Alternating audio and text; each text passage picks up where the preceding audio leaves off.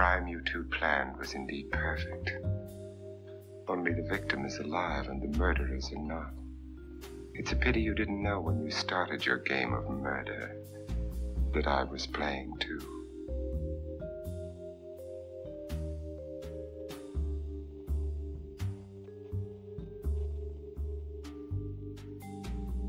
To jest druga część podcastu o Elvisie Presleyu. Jeśli nie słuchaliście części pierwszej, to sugeruję zacząć właśnie tam. Dla krótkiego przypomnienia, w pierwszej części otrzymaliśmy pośmiertne nagrania Elvisa jako Sivle Nora, co od końca oznacza Elvis Aaron. Otrzymaliśmy informację o błędzie na nagrobku Elvisa, bo jego drugie imię zostało wyryte z błędem. Otrzymaliśmy dwa zdjęcia, na których widać Elvisa, mimo że zostały wykonane po jego śmierci.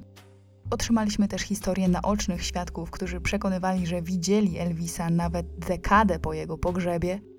No i najważniejsze, otrzymaliśmy też informację o tym, że Elvis był zamieszany w tajną operację FBI o kryptonimie Wieczne Pióro, która mogła, choć nie musiała, zakończyć się umieszczeniem Presleya w programie ochrony świadków.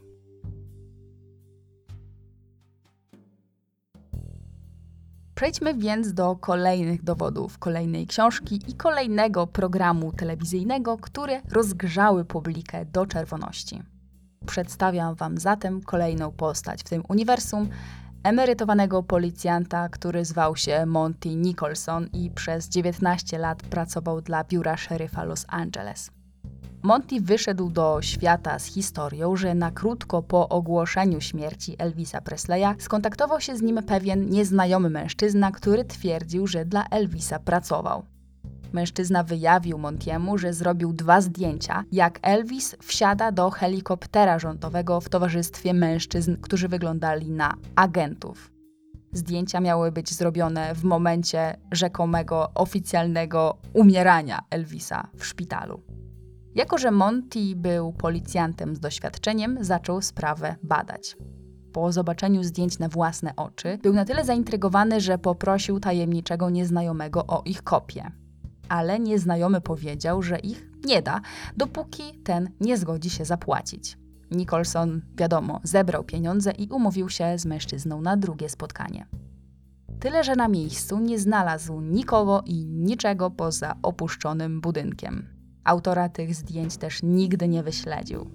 Ale Nicholson się nie zniechęcał, bo czuł, że jest blisko skandalu.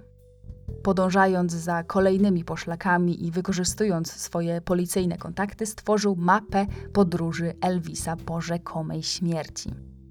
Według niego Presley miał się systematycznie przemieszczać po różnych stanach w całym kraju. I było na to mnóstwo dowodów. Jako zwieńczenie tego swojego śledztwa Monty Nicholson przedstawił swoją teorię, no jakżeby inaczej, w książce, która nosiła tytuł The Presley Arrangement. Tyle, że po jej publikacji zaczęły się dziać dziwne rzeczy.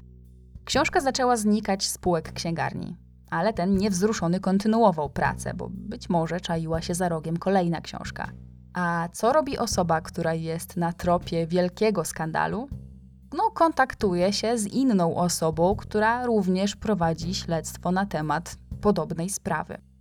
Skontaktował się zatem z pisarką Gail Brewer Giorgio i okazało się, że jej książka o Elvisie również znikała z półek księgarni. Jedna taka sprawa to mógł być zbieg okoliczności, ale dwie takie sprawy to już nie mógł być przypadek. Monty zatem niestrudzenie grzebał dalej.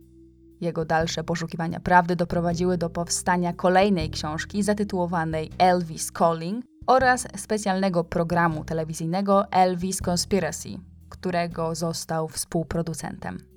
I teraz pochylmy się na chwilę nad tym programem. Jest dostępny na YouTube, więc podlinkuję go oczywiście w opisie. Program został wyemitowany w roku 91, a jego prowadzącym był Bill Bixby. Dokładnie ten sam prezenter, który był hostem tego poprzedniego programu z Gail Georgia w roli głównej. Oto nowe rzeczy, których się dowiadujemy od Montiego. Pamiętacie, jak brzmiało fałszywe nazwisko, pod którym Elvis zameldował się w hotelu, o którym pisał w liście do prezydenta Nixona? Zameldował się pod nazwiskiem John Barrows. Jak dowiadujemy się od Montiego, pewna klientka restauracji motelu Winesburg w Clyde w stanie Ohio przekonywała, że w sierpniu 1991 roku zauważyła tam Elvisa Presleya w towarzystwie ochroniarzy.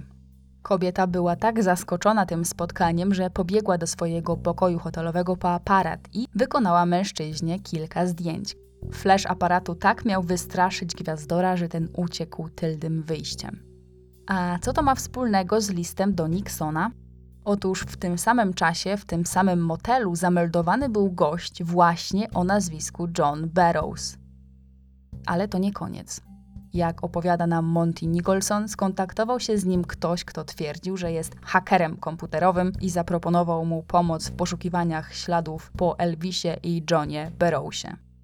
Facet próbował wyśledzić raport kredytowy Elvisa. Po wpisaniu numeru ubezpieczenia społecznego Elvisa wyskoczyły podobno dwa numery powiązane z jego nazwiskiem. Kiedy wpisał jeszcze raz ten drugi numer, to obok nazwiska Presleya pojawiło się drugie nazwisko John Barrows. Elvis albo ktoś, kto używał tego imienia, miał aktywną historię kredytową po 77, czyli kiedy Elvis już oficjalnie nie żył. A tym bardziej, że jak się dowiadujemy, zazwyczaj po siedmiu latach od śmierci cała historia kredytowa tej osoby była wymazywana. Tu jednak tak się nie stało. Historia nie tylko nie została wymazana, ale dane wskazywały na aktywność w 1991 roku. Ktoś o tym samym numerze ubezpieczenia społecznego dokonał ostatniej płatności za jeden z domów Presleya w marcu 1991 roku. Kto zatem żył i przeprowadzał finansowe operacje jako John Barrows albo jako Elvis Presley? Jak wynika z prywatnego śledztwa Montiego Nicholsona, po raz pierwszy od śmierci Elvisa nazwisko John Barrows pojawia się w dokumentach na 7 lat po jego oficjalnej śmierci. Ślad zaczyna się od wpisu, który wskazuje, że John Barrows mieszkał w Fort Worth, Texas w grudniu 1989 roku. Potem ślad prowadzi do Kalamazoo w Michigan.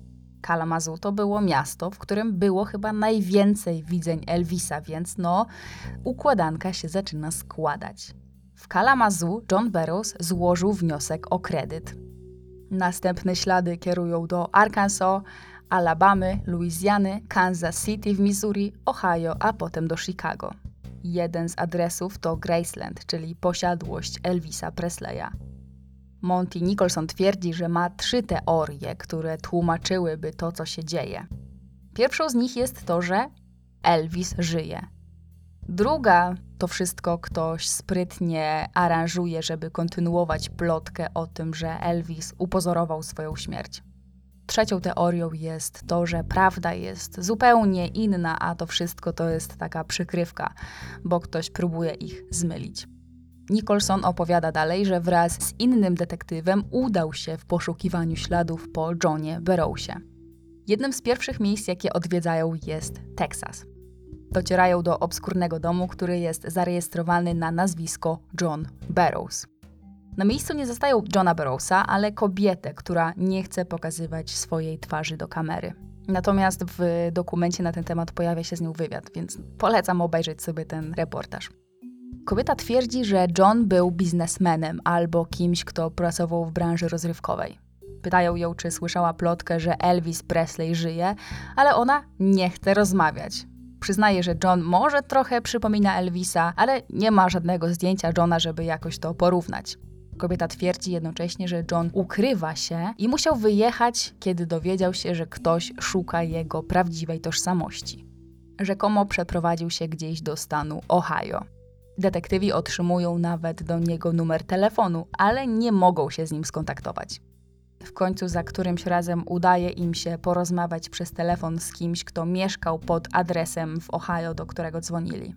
Rozmówca spytany o Johna Barrowsa przyznał, że John przypominał Elvisa z wyglądu. Ale tutaj cała historia i śledztwo Nicholsona się urywa. Przy okazji od Nicholsona dowiadujemy się też o kolejnych spotkaniach z Elvisem może nie spotkaniach, ale o kolejnych osobach, które twierdziły, że widziały Elvisa gdzieś w różnych częściach kraju. Wszyscy rzekomi świadkowie widzieli mężczyznę w wieku między 50 a 60 lat. Czasem miał bokobrody, czasem brodę, ciemne włosy i sporą nadwagę. A zawsze tam, gdzie widziano kogoś, kto wyglądał jak Elvis, to zawsze w jakiś dziwny sposób pojawiało się nazwisko John Barrows. Podsumujmy sobie więc krótko najważniejsze z dotychczas zebranych dowodów na to, że Elvis żyje. Mamy tajemniczą postać funkcjonującą pod pseudonimem Sivle Nora, która ma głos jak Elvis i twierdzi, że jest Elvisem, ale musiał uciec od świata i żyje na Hawajach.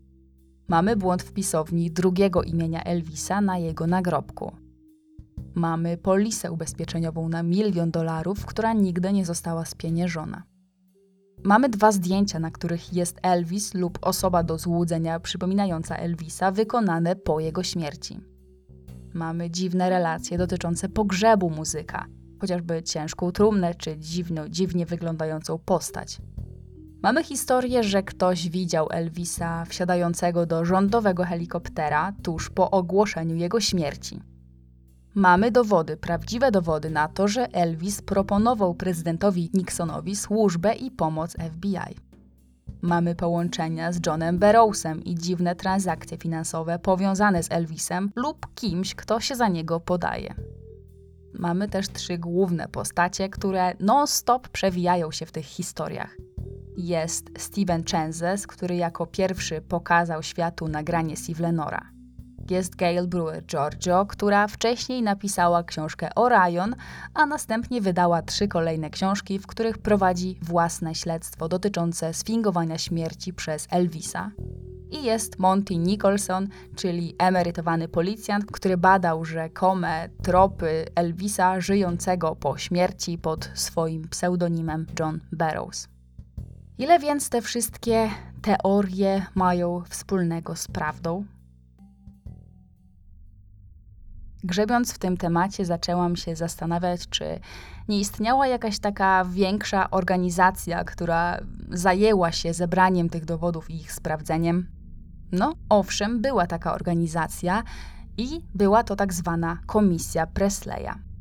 Powstała w 1992 roku, czyli po wydaniu tych dwóch y, filmów dokumentalnych i po wydaniu większości książek na ten temat. I przez dwa lata prowadziła nieoficjalne, bo i nieoficjalne, ale śledztwo w sprawie śmierci Elvisa.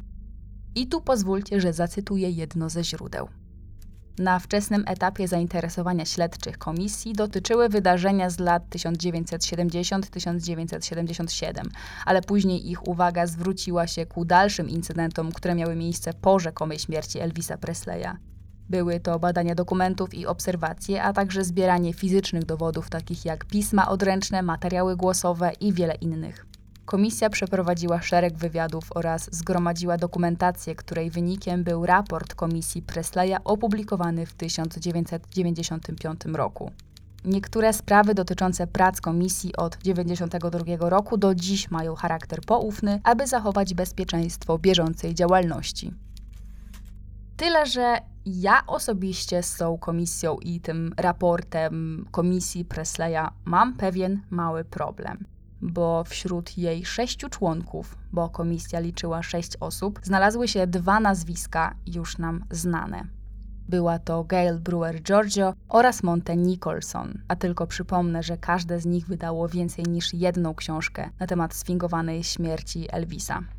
Na ile więc mogli być obiektywni, rzetelni i wiarygodni? No, sami ocencie. No dobrze, ale co takiego komisja ustaliła? W sumie to niewiele, ale po kolei. Zacznijmy od wagi trumny. Cytuję raport komisji. Komisja dowiedziała się o incydencie związanym z figurą woskową, która została zakupiona przez członka rodziny i miała być wykorzystana w nieznanym celu. Przeprowadzono wywiad z naocznym świadkiem, który był na miejscu w momencie sprzedaży. Nie wiadomo do czego służyła figura, ale w momencie sprzedaży pojawiły się komentarze, które wzbudziły zdziwienie. Twierdzą, że ciężar trumny był spowodowany obecnością figury woskowej i potencjalnego agregatu chłodzącego, co spowodowałoby, że byłaby ona cięższa niż zwłoki ludzkie poddane sekcji zwłok w trumnie tego samego typu. Rzecz druga, ktoś działający pod nazwiskiem John Barrows. Cytuję. Jest mało prawdopodobne, aby Elvis użył imienia, którego używał w swoim poprzednim życiu, jednak komisja twierdzi, że istniało wiele takich tożsamości, prawdopodobnie aż 10 lub 12. Rzecz trzecia zdjęcie Pool House, na którym rzekomo widać Elvisa w swojej posiadłości Graceland. Zdjęcie istnieje i było ono wielokrotnie analizowane. Komisja uznaje zdjęcie za autentyczne. Przedstawię Wam jeszcze fragment wywiadu przeprowadzonego z jednym z członków komisji. Pytanie: czy komisja Presleya stwierdziła, że rzekoma śmierć Elvisa Presleya była w rzeczywistości spiskiem? Jeśli nie, jakie były główne wnioski z raportu? Odpowiedź: Chociaż wielu chciałoby uznać czynnik spisku za główną część sprawy, z pewnością jest to aspekt naszych wysiłków analitycznych. Pytanie: Jeśli Elvis Presley żyje, kto był w spisku? Odpowiedź: Chociaż nigdy nie podobało nam się słowo spisek, to niewielka grupa ludzi bliskich artyście miała świadomość wyraźnego i przemyślanego planu. Istnieje również prawdopodobieństwo powiązania kluczowych osób z rządu i bliskich członków rodziny. Pytanie: czy członkowie jego rodziny i otoczenia, Priscilla, Lisa Marie, bracia Stanley, Joe Esposito, wiedzieli? Odpowiedź. Zakłada się, że niektórzy członkowie najbliższej rodziny Elvisa wiedzieliby, że nie należy niepokoić się tym, co wydarzy się w tygodniu rozpoczynającym się 16 sierpnia, gdyby faktycznie byli zaangażowani lub posiadali taką wiedzę. Czyli jak coś powiedzieć, żeby nic nie powiedzieć. Ale inni, moi drodzy, inni ludzie niż komisja Presleya mówili. I to sporo. I teraz musimy zrobić kilka skoków czasowych, bo te wszystkie zdarzenia działy się w różnych momentach na osi czasu. Ale żeby zachować porządek, musiałam je w ten sposób przedstawić. Zacznijmy od głosu Steve. Czy rzeczywiście tajemniczym Steve mógł być prawdziwy Elvis? Przypominam tylko, że Gail Brewer Giorgio zleciła przebadanie nagrań analitykowi medycyny sądowej Laremu Williamsowi. Miał potwierdzić, że mężczyzna z nagrań to właśnie Elvis Presley. Ta laboratoryjna analiza była bardzo częstym argumentem w rękawie, po który sięgała Gail. Tyle, że w wywiadzie z 1990 roku badacz przedstawił własną wersję wydarzeń. No i trochę się różniła od tej przedstawionej przez Gail. Na początku był bardzo sceptyczny, ale po dyskusji już częściowo się przekonał, że kobieta jest wiarygodna, więc zgodził się wykonać analizę przesłanego przez nią materiału, ale na określonych warunkach. Odmówił na przykład zapłaty, bo mogłoby to go zdyskredytować. To był cytat. Analityk otrzymał od niej dwie kasety audio do porównania. Jedna była tym tajemniczym monologiem Steve Lenora, a druga pochodziła z oryginalnego wywiadu z Elvisem Presleyem z 1962 roku.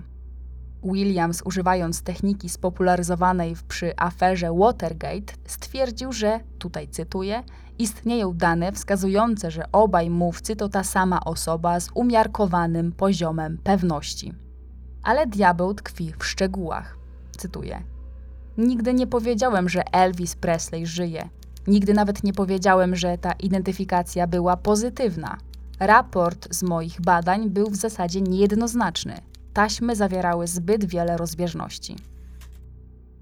Czyli badacz nigdy nie potwierdził tego, że na nagraniach jest faktycznie Elvis, ale Gail to nie przeszkodziło i właściwie łamiąc prawo zacytowała jego rzekomą pozytywną opinię w swojej książce, a nawet nie jednej książce a potem wykorzystywała tę jego analizę jako jeden z głównych dowodów na poparcie swojej teorii. Kim zatem mógł być ten tajemniczy głos z nagrania, jeśli nie Elvisem Presleyem? No i tu mamy bombę, bo w 1985 roku, czyli przed powstaniem większości książek Gale, w telewizyjnym programie specjalnym Geraldo Riviery, piosenkarz David Darlock przyznał się, że to on był głosem odpowiedzialnym za rzekome nagrania piosenek Elvisa oraz za monolog Sivle Nora. Ba, powiedział nawet, że nie chciał brać udziału w żadnym spisku, że Elvis żyje i że sam został oszukany. Ujawnił, że otrzymał 250 dolarów od Eternally Elvis, czyli firmy prowadzonej przez Stevena Chenzesa, Przypominam, że Steven Chenzes był osobą, która pokazała te nagrania światu, opowiadając jeszcze, że ma kontakt z Steve Lenora, który według niego jest prawdziwym Elvisem ukrywającym się na Hawajach. Ale to nie koniec, bo Darlock w tym programie telewizyjnym pokazał nawet kontrakt, w którym widać, że jest zobowiązany do nagrania dla Eternally Elvis kasety fanowskiej. Tak się złożyło, że na tej samej sali w tym samym programie telewizyjnym jednym z gości była obecna Gail Brewer Giorgio. I Darlock otwarcie się z nią tam konfrontuje. No w końcu Gail sprzedawała nagranie z jego głosem razem ze swoją książką, twierdząc, że to Elvis. No a on wiedział, że Elvisem nie jest. Kobieta zaprzecza, że wiedziała o całej sprawie, że Steven Chenze skupił od niego te nagrania. I teraz chwilę zerknijmy na oś czasu, bo Darlock przyznał się do tego w 1985 roku. A mimo tego pisarka nadal występowała w telewizji i pisała kolejne książki, szerząc swoją teorię nadal przekonywała o autentyczności nagrań, nadal mówiła o monologu, mimo że miała fizyczny dowód na to, że ktoś się przyznał, że to on był tym głosem, nadal przekonywała, że rozmawiała z Elvisem. Ale to nie był jedyny raz, kiedy Gail Brewer Giorgio została skonfrontowana ze swoimi teoriami w programie na żywo. Podobna sytuacja miała miejsce podczas jej występu w programie Larego Kinga. Poza nią w show wystąpił także Joe Esposito, który przez dziesięciolecia był bliskim przyjacielem Elvisa i kierownikiem jego tras koncertowych. No i mężczyzna zapytany o taśmy prezentowane między innymi przez Gail, z pełnym przekonaniem mówi, że głos z nagrań prezentowanych przez Gail w jej książce to nie jest Elvis. Poruszają też temat jednego z tych zdjęć rzekomego Elvisa wykonanych po jego śmierci. Gościem w tym samym programie jest Mike Joseph, czyli autor zdjęcia Pool House, pochodzącego z posiadłości Elvisa. Co ciekawe, Mike sam w programie mówi, że według niego osoba na zdjęciu to nie jest Elvis. Zgadza się, na początku sądził, że to Elvis, ale potem porozmawiał na żywo z przyjaciółmi Presleya, którzy przedstawili mu bardziej wiarygodną wersję niż to, że jego idol wrócił z zaświatów. I tu znów następuje konfrontacja z Joe Esposito, czyli przyjacielem Elvisa. Ten bowiem twierdzi, że na tym słynnym zdjęciu Pool House widoczny jest Al Strada, który pracował dla nich w tamtym czasie jako ochroniarz. Zaskoczona tym faktem, Giorgio pyta Majka, dlaczego jej o tym nie powiedział, a ten do niej, że przecież powiedział. Mówi, że ona jeszcze zanim wydała swoją książkę, wiedziała o tym, że istnieje logiczne wytłumaczenie, dlaczego jakiś facet na fotce wygląda jak Elvis, ale tego wytłumaczenia po prostu nie przyjęła. No bo nie pasowało jej do teorii, przynajmniej według Majka. Mike mówi, że w wydawnictwie powiedzieli mu, że to nie ma żadnego znaczenia, że książka przecież i tak będzie się opierała na jakichś hipotetycznych domysłach, co by było, gdyby Elvis jednak żył. Przynajmniej tak mu wydawnictwo tłumaczyło ideę książki. Tak mu to przedstawiono, więc zgodził się sprzedać prawa do swojego zdjęcia. Ale nie to jest najlepsze. Mike przytacza nawet umowę, którą podpisał z wydawnictwem w sprawie sprzedaży praw autorskich do zdjęcia Pool House. Umowa została zawarta, tutaj cytuję, bo to ważne, między Michaelem Josephem a Richardem Saterem, Polem Wantejem i Polem Demoutsem, prowadzącymi działalność pod nazwą Sivle Group. Co znaczy, że sprzedał prawa do zdjęcia firmie, która nosiła nazwę Sivle Group. Grupa Sivle. Giorgio idzie w zaparte, że nie miała o tym pojęcia, a ci panowie, których tutaj wymieniłam, są zupełnie niezależną od niej firmą. Podczas tego samego programu zostaje też poruszony temat tych dziwnych relacji z pogrzebu Elvisa Presleya. Pamiętacie, że trumna wydawała się zbyt ciężka, a twarz Elvisa miała wyglądać według wielu osób na sztuczną. Gail Giorgio wspomina o słynnym zdjęciu Elvisa w trumnie z okładki magazynu Enquire. Joe Esposito twierdzi, że kiedy znalazł Elvisa, bo on był osobą, która była podczas prób resuscytacji Elvisa w jego łazience, to ten leżał przez wiele godzin twarzą w dół, i że być może to tłumaczy, dlaczego jego nos w trumnie wyglądał trochę inaczej niż ten oryginalny nos Elvisa. A trumna była ciężka, bo była wykonana z miedzi i to tłumaczy jej ponadprzeciętną wagę, bo ważyła ponad 400 kg, dlatego kilkunastu mężczyzn nie było w stanie jej z łatwością podnieść. O żadnym systemie chłodzącym woskowe ciało nie było więc według niego mowy. To nie był zresztą jedyny raz, kiedy Joe Esposito publicznie konfrontował się z teoriami na temat rzekomej mistyfikacji śmierci przyjaciela. Wystąpił też w programie telewizyjnym Elvis Conspiracy z 1992 roku. Głównym tematem tej dyskusji jest teoria, jakoby Elvis nadal żył i podróżował po kraju pod nazwiskiem John Barrows. Joe Esposito mówi, że według niego cała ta sprawa jest jakimś szaleństwem. Nawet jeśli ktoś rzeczywiście dokonuje jakichś operacji finansowych jako John Barrows, to według niego jest to czysta prowokacja. Po prostu ktoś się dowiedział, że Elvis używał takiego pseudonimu i teraz wykorzystuje to do jakichś swoich gierek. Według niego Elvis na 100% umarł, bo sam osobiście i na własne oczy widział go martwego. Zostaje też zapytany o ten tajemniczy rządowy helikopter, którym Elvis miał uciekać z Graceland. Odpowiada, że tam nie było żadnego helikoptera, a nawet gdyby był, to przecież wokół Graceland były tłumy dziennikarzy. I jak to możliwe, że nikt nie zauważył odlatującego helikoptera? No, według niego to jest po prostu nieprawdopodobne. W podobnym tonie wypowiada się zresztą kolejny gość tego samego programu, czyli Larry Geller. Był to duchowy doradca i osobisty fryzjer Presleya, który pracował dla niego przez 14 lat. Co najciekawsze, to on był odpowiedzialny za uczesanie włosów Elvisa do trumny. Osobiście zafarbował też jego siwe włosy na czarno tuszem do rzęs na prośbę Vernona Presleya. Wspomina, że kiedy pracownicy kostnicy odkryli tors zmarłego Elvisa, widział ślady po autopsji na jego klatce piersiowej i jest na 100% pewny, że to był Elvis. To samo powtórzy też wielokrotnie w innych wywiadach, między innymi w dokumencie Ostatnie 24 godziny Elvisa. I w tym ostatnim opisał to z szczegółami. Cytuję. Latami rozdmuchiwano wielką plotkę, że Elvis żyje. Tak bardzo bym chciał, żeby to była prawda. Pracowałem nad jego ciałem tysiące razy. To był Elvis Presley. Nie mam żadnych wątpliwości. Chociaż zarówno Gail Brewer Giorgio, Monty Nicholson i Steven Chances nadal byli zapraszani do mediów, czy udzielali wywiadów i prowadzili badania w związku z tym rzekomym spiskiem, a Brewer Giorgio nawet zapowiedziała kolejną książkę o powiązaniach Elvisa z FBI, to z roku na rok coraz mniej ludzi wierzyło w ich opowieści. Ale wiadomo, zważywszy na skalę historii, to osób, które w nią wierzyły i cały czas doszukiwały się tam spisku i nowych dowodów, było mnóstwo. Przez kolejne lata takich samozwańczych detektywów, którzy analizowali każdą teorię, każdą książkę i każdą wzmiankę, przybywało. A to wszystko oczywiście za sprawą internetu, bo w końcu wkraczamy w nowe tysiąclecie. I teraz każdy mógł tworzyć własne grupy dochodzeniowe, wymyślać kolejne teorie i podawać w wątpliwość oficjalną wersję wydarzeń.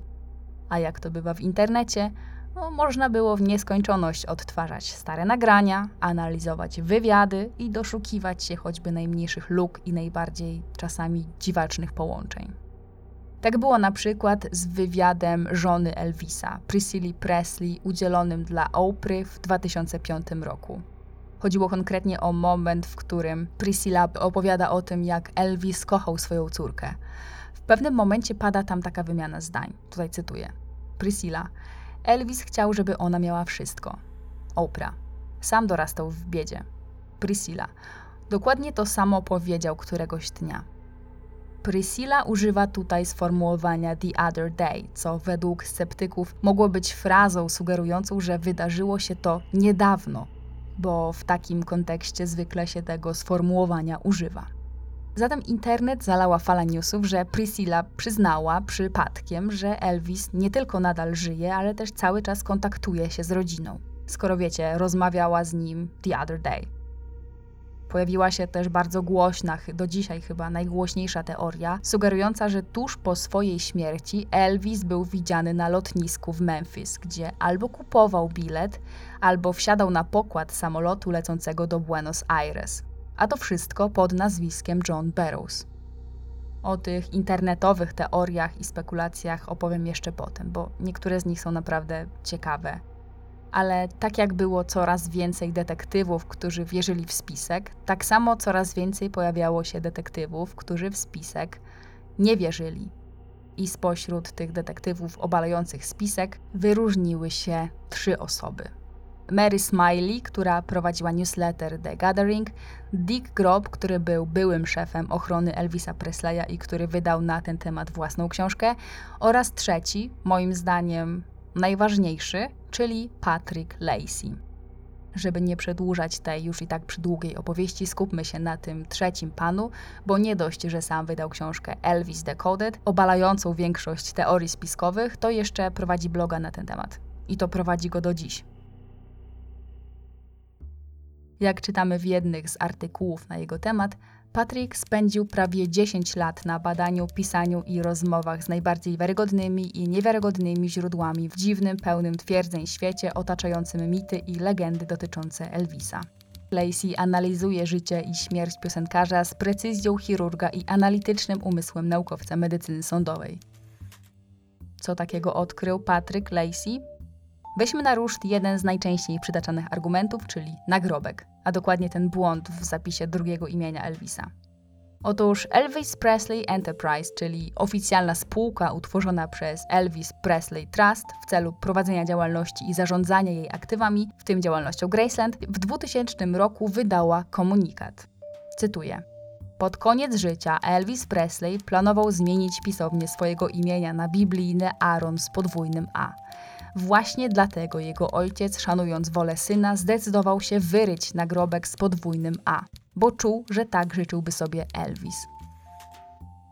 W pierwszej połowie życia Elvis faktycznie częściej używał Aaron z jednym A. Ale Patrick Lacey pisze, że już w 1953 roku Elvis wystąpił do urzędu w celu dokonania korekty drugiego imienia w akcie urodzenia i zastąpienia imienia z pojedynczym A na A podwójne. Od tego czasu już do końca swoich dni używał podwójnego A w drugim imieniu. Więc taka wersja na nagrobku była absolutnie naturalna. Idźmy dalej. Co zatem z doniesieniami, że Elvis tuż po swojej oficjalnej śmierci odbył lot z lotniska w Memphis do Buenos Aires jako John Barrows? Cytuję Patryka Lacey. Przeanalizujmy to. Elvis fabrykuje własną śmierć, jedzie na lotnisko i rzekomo wsiada w samolot. Nie próbuje się maskować i nie używa przebrania, ponieważ rzekomy świadek twierdzi, że łatwo go rozpoznał jako Elvisa Presleya, ale używa pseudonimu. Nigdy nie przedstawiono żadnych dowodów na to, kto był świadkiem zakupu biletu, skąd ten świadek wiedział, że nabywca nazywa się John Barrows, ani skąd znał szczegóły zakupu biletu. Kiedy ta osoba ogłosiła tę nowinę, dlaczego nie skontaktowała się z lokalną organizacją prasową tego samego dnia, w którym to się zdarzyło? Dlaczego ta teoria nie była głównym dowodem w tamtym czasie? Zwolennicy teorii spiskowych chcą, żebyśmy wierzyli, że ktoś widział Elvisa Presleya na lotnisku w Memphis tego samego dnia, w którym zgłoszono jego śmierć, ale ten rzekomo naoczny świadek nic nie zrobił z tą informacją przez 10 lat. Oto odpowiedź, jaką otrzymałem niedawno od przedstawiciela lotniska.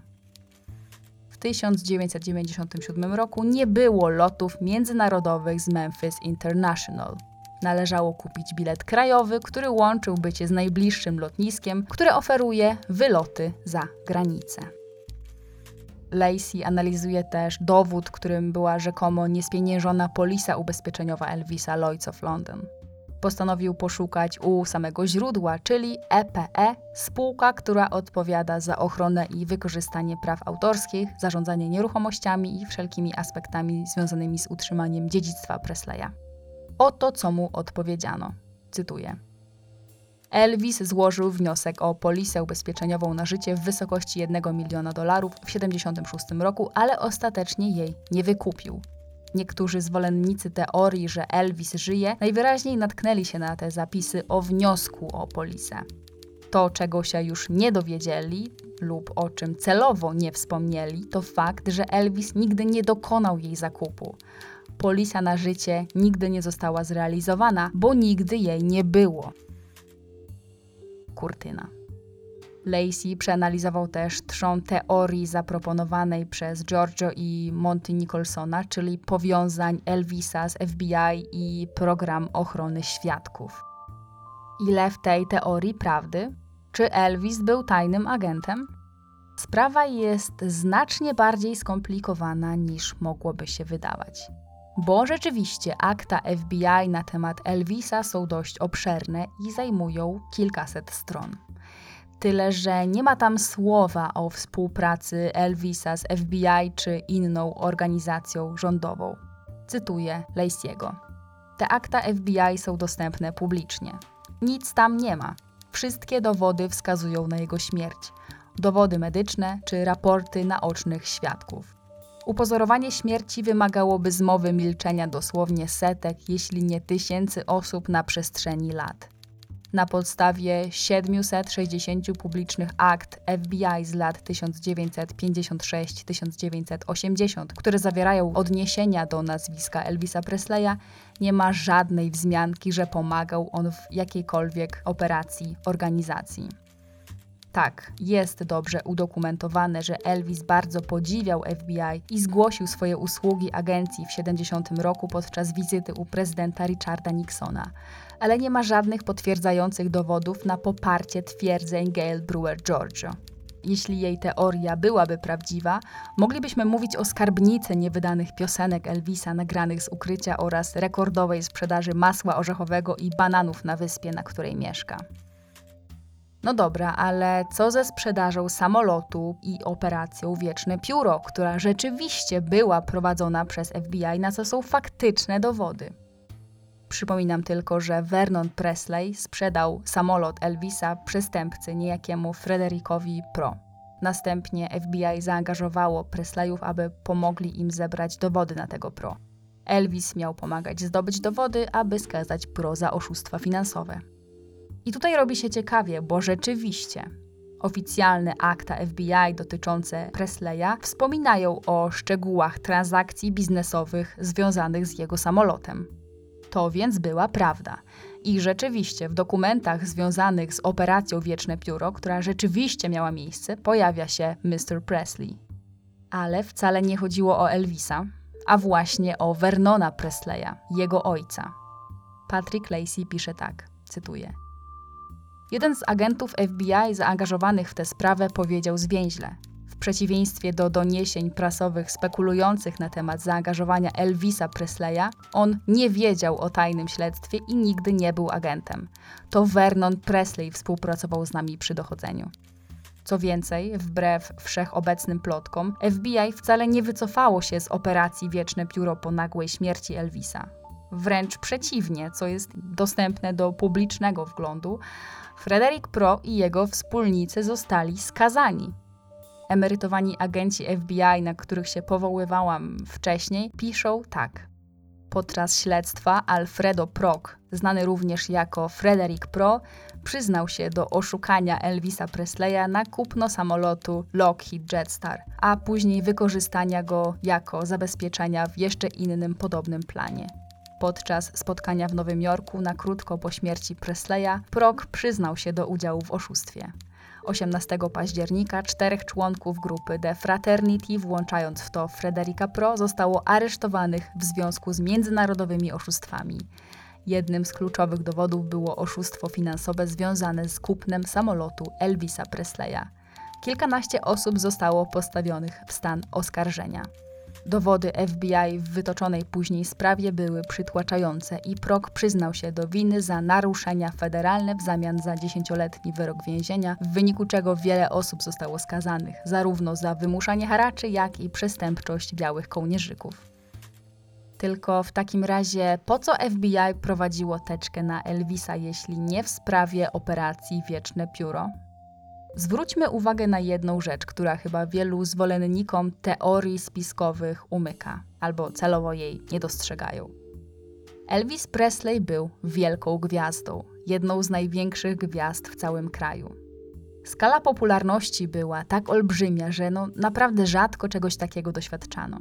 FBI było w tamtych czasach pod dowodzeniem osławionego Jaya Edgara Hoovera, który do dzisiaj kojarzony jest głównie ze swoich skandali związanych z nadużywaniem władzy i stosowaniem nielegalnych metod, jak podsłuchy czy przemoc.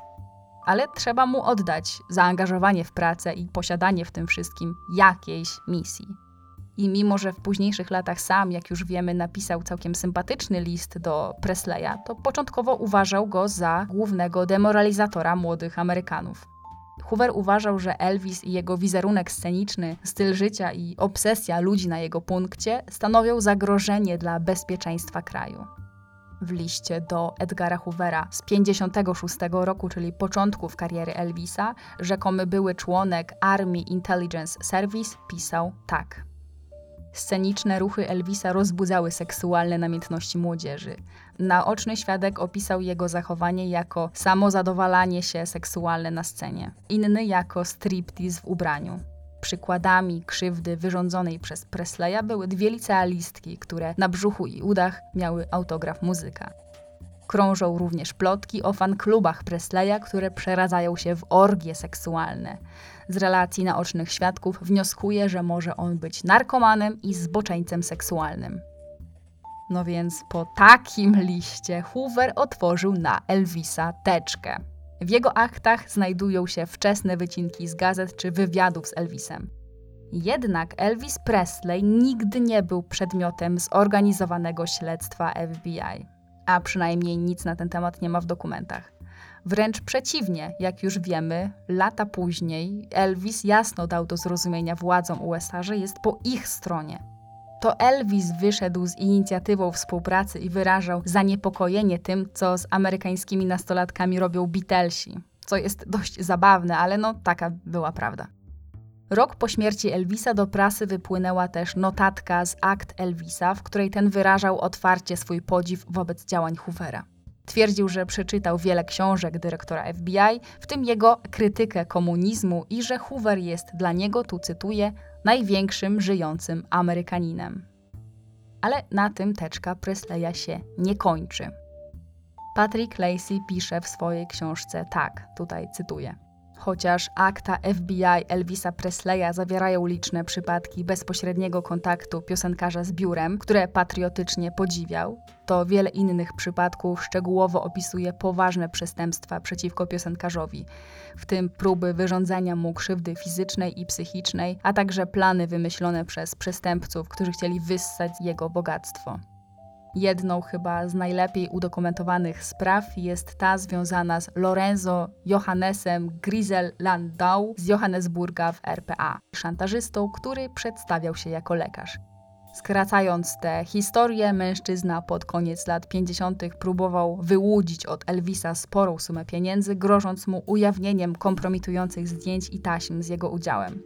Elvis nigdy nie skierował sprawy do sądu, ale sprawą zajęło się właśnie FBI. I między innymi takie rzeczy są właśnie w dokumentach na jego temat. Skoro więc mamy sprawę operacji Wieczne Pióro i powiązań Elvisa z FBI za sobą, omówmy krótko jeden z innych dowodów, ten bardziej namacalny. Czyli zdjęcie Muhammeda Ali z niby Elvisem wykonane 7 lat po jego oficjalnej śmierci. Rzeczywiście, kiedy spojrzy się na zdjęcie, nie znając kontekstu, można uwierzyć, że na fotografii jest właśnie Presley. Nawet sam Ali, spytany kiedyś o postać na zdjęciu, powiedział bez wahania, że jest na nim jego przyjaciel Elvis. Ale w 1992 roku w programie Elvis Conspiracy wystąpił niejaki Larry Kolb, agent Aliego. No i on tam przyznał, że to on jest osobą, którą wszyscy pomylili z Elvisem. Oczywiście dla wielu to nie załatwiało sprawy, tyle że to już była trochę taka walka z wiatrakami. Ten, kto chciał uwierzyć, uwierzył, a ten, kto bardzo nie chciał uwierzyć, tego i tak pewnie nie dałoby się przekonać. Po wielu latach, czyli no już w XXI wieku, kiedy technologia ruszyła do przodu, wzięto też pod lupę raz jeszcze wszystkie te nagrania rzekomego Elvisa, działającego rzekomo pod pseudonimem Sivlenora. Tutaj dużą rolę odegrała strona internetowa poświęcona Elvisowi, Elvis Presley Information Network, która podobnie jak Patrick Lacey działa do dzisiaj i która była ważnym źródłem tego odcinka. W 2012 roku autorzy tej strony zlecili analizę wszystkich taśm z rzekomym nagraniem Elvisa firmie zajmującej się kryminalistyką dźwiękową. Tutaj zacytuję eksperta, który się tym wszystkim zajmował i który wydał taką oficjalną ekspertyzę. Porównując materiały ze wszystkimi znanymi nagraniami Elvisa, najwyższa zgodność, jaką otrzymujemy, to około 56%.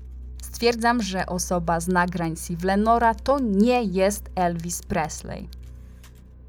Myślicie, że to rozwiązało sprawę?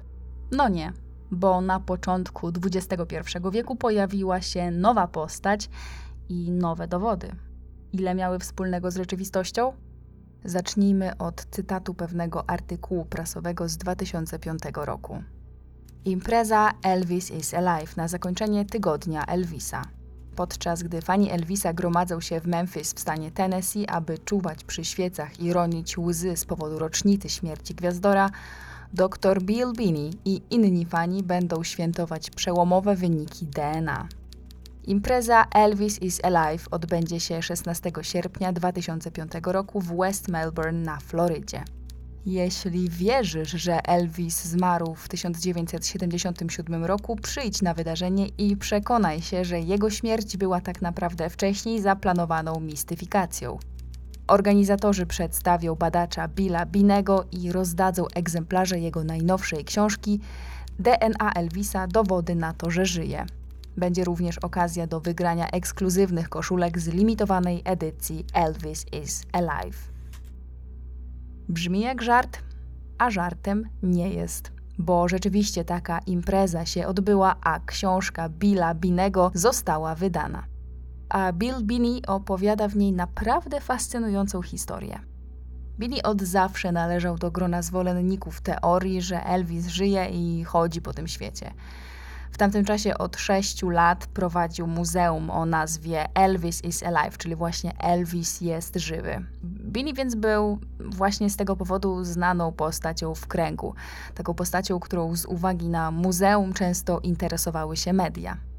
Swoją książkę zaczyna zresztą od wspomnienia o tym, jak przyjeżdżały do niego ekipy telewizyjne i maglowały, dlaczego wierzy, że Elvis nadal żyje. Nie było więc niczym dziwnym, że od czasu do czasu zgłaszały się do niego mniej lub bardziej wiarygodne osoby z mniej lub bardziej wiarygodnymi dowodami, które mogłyby być kolejnym puzelkiem do jego układanki. Ale sprawa, którą porusza w książce, ruszyła dopiero dzięki jego synowi Andrew. Andrew w latach 90. działał jako prawnik i pewnego razu został zaproszony do udzielenia wywiadu pewnej stacji radiowej z Memphis w programie Wake Up Crew. Nie znam szczegółów tego wywiadu, ale wiem, że rozmowa dotyczyła Elvisa, bo zarówno Billy, jak i Andrew często udzielali wywiadów na ten temat. I tu zaczyna się robić ciekawie. Chwilę po udzieleniu wywiadu Andrew otrzymał telefon od, tutaj cytuję, wybitnego lekarza z Memphis, który był zainteresowany tym, co mówił na antenie. Lekarz twierdził, że ma sporo informacji na temat Elvisa i zaprosił go do swojego domu w Memphis. Kilka dni później Andrew i Billy udali się na spotkanie. Kim był ten lekarz i jak się nazywał, tego niestety z książki się już nie dowiadujemy. Billy pisze, że jest poważanym lekarzem i prowadzi własną klinikę. Gdyby ujawnił jego nazwisko, to ktoś z Graceland mógłby zacząć go szantażować. Aha, no i jest też bardzo zapracowany i nie ma czasu, żeby biegać po telewizjach, kiedy sprawa wybuchnie. Dlatego wolał pozostać anonimowy. Muszę przyznać, że całkiem sprytnie. Wróćmy jednak do rewelacji, jaką Bini miał otrzymać od tego doktora. Lekarz podobno pokazał ojcu i synowi dokumenty medyczne Elvisa Presleya. A dokładnie, cytuję, wszystkie raporty z każdego dnia jeszcze za oficjalnego życia, kiedy Elvis przebywał w Baptist Memorial Hospital, wszystkie te dokumenty były wypisane na nazwisko Aaron Sivle. Ale to nie wszystko. Wśród dokumentów był też pełen raport z sekcji zwłok Elvisa ten sam raport, który przez te wszystkie lata pozostawał i nadal pozostaje nie do zdobycia. Skąd lekarz był w posiadaniu takich dokumentów? Ponoć ten anonimowy lekarz otrzymał je od doktora Harolda Sextona. Harold Sexton to jest akurat prawdziwe nazwisko jednego z patologów obecnych podczas autopsji Presleya w 1977 roku kiedy po ogłoszeniu śmierci Presleya w mediach zawrzało i pojawiły się te wszystkie pierwsze spekulacje na temat mistyfikacji, dr Sexton zrobił to, co wydawało mu się najbardziej logiczne. Nielegalnie skopiował wszystkie dokumenty medyczne, do których miał dostęp, aby, tu cytuję książkę, móc się obronić na wypadek, gdyby został przez kogoś pozwany. Czy rzeczywiście tak było, tego nie da się jednoznacznie stwierdzić. Sexton zmarł w latach 90., więc naturalnie nie mógł ani potwierdzić, ani zaprzeczyć takiemu poważnemu złamaniu prawa. Z tego rzekomego raportu z sekcji dowiadujemy się, że ciało Elvisa ważyło 77 kg, co jest dokładnie tą samą wagą, co ta zanotowana w raporcie lekarza sądowego. Tu zapala się pierwsza czerwona lampka, bo tuż przed śmiercią Elvis miał ważyć dużo, dużo, dużo więcej. W raporcie znalazła się też wzmianka o długiej bliźnie przebiegającej na klatce piersiowej Denata. Blizna miała być zagojona, cytuję, od jakiegoś czasu. To był rzekomo ślad po dawnej operacji, tyle że Elvis Presley nigdy takiej operacji nie przechodził. To nie koniec. Jak dowiadujemy się z książki, tajemniczy lekarz dysponował nie tylko dokumentami medycznymi ze szpitala Baptist Memorial, ale też prawdziwą próbką tkanki Elvisa. Z dokumentów otrzymanych rzekomo od doktora Sextona dowiedział się, że Elvis był za życia dwukrotnie hospitalizowany z powodu problemów z wątrobą. Pierwszy raz w październiku 73, a następnie w lutym 75. W obu przypadkach miał mieć wykonane biopsje. W obu przypadkach pobrano próbki z jego wątroby w celu przeanalizowania, czy Presley miał zapalenie wątroby. Zapalenia wątroby nie miał, badania wykazały jedynie stłuszczenie. Tu autor książki informuje nas, że numery badanych tkanek w 100% odpowiadają numerom z uzyskanych dokumentów medycznych. Co więc zrobił lekarz, który dysponował takimi próbkami tkanek? Porównał DNA tkanek z biopsji z DNA tkanek uzyskanych podczas sekcji zwłok Elvisa. I tutaj pozwólcie, że zacytuję, jak wygląda ciąg myślowy autora książki. Jeśli okaże się, że tkanki żyjącego Elvisa pobrane podczas biopsji zgadzają się z tkankami sekcji zwłok, oznacza to, że Elvis nie żyje. Jeśli się ze sobą nie zgadzają, Elvis żyje.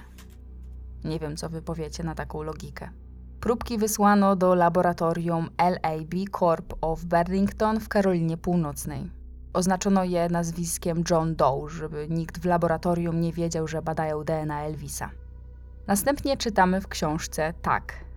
Mimo, że byłem pewien, że Elvis upozorował swoją śmierć i nadal żyje, chciałem uczciwego i bezstronnego testu DNA. Powiedziałem zarówno lekarzowi, jak i mojemu synowi, że jeśli test DNA potwierdzi, że Elvis nie żyje, zaakceptuję to i zamknę muzeum. Zwołam konferencję prasową i przeproszę wszystkich za to, że promowałem coś, co nie było prawdą. Jednak, jak się zapewne domyślacie, tak się nie stało. Wyniki badań dotarły w lutym 1997 roku, cztery miesiące później. Obie tkanki pobrane z wątroby Elvisa za jego życia nie odpowiadały tkankom uzyskanym z autopsji. Co to znaczyło? Według autora znaczyło to to, że w trumnie pochowano ciało kogoś innego.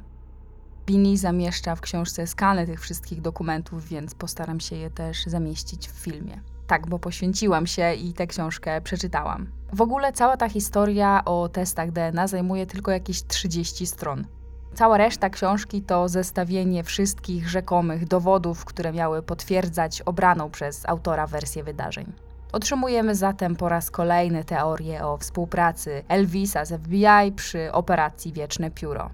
Dostajemy też informacje o problemach finansowych, przed którymi Elvis miał ponoć uciekać. Mamy wzmiankę o topiącym się wosku w trumnie, o tym, że ciało wyglądało dziwnie, o przekręconym imieniu na nagrobku, o zbyt dużej wadze trumny, o tajemniczym alter ego Steve Lenora i o kolejnym alter ego, czyli Johnie Barrowsie.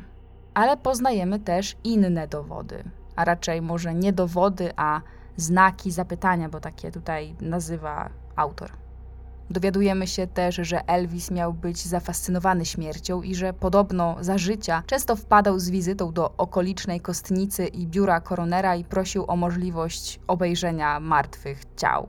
Nauczył się też wprawiać swoje ciało w stan hipnozy, co było tu, cytuję za książką, stanem bliskim śmierci, kiedy puls jest ledwo wyczuwalny.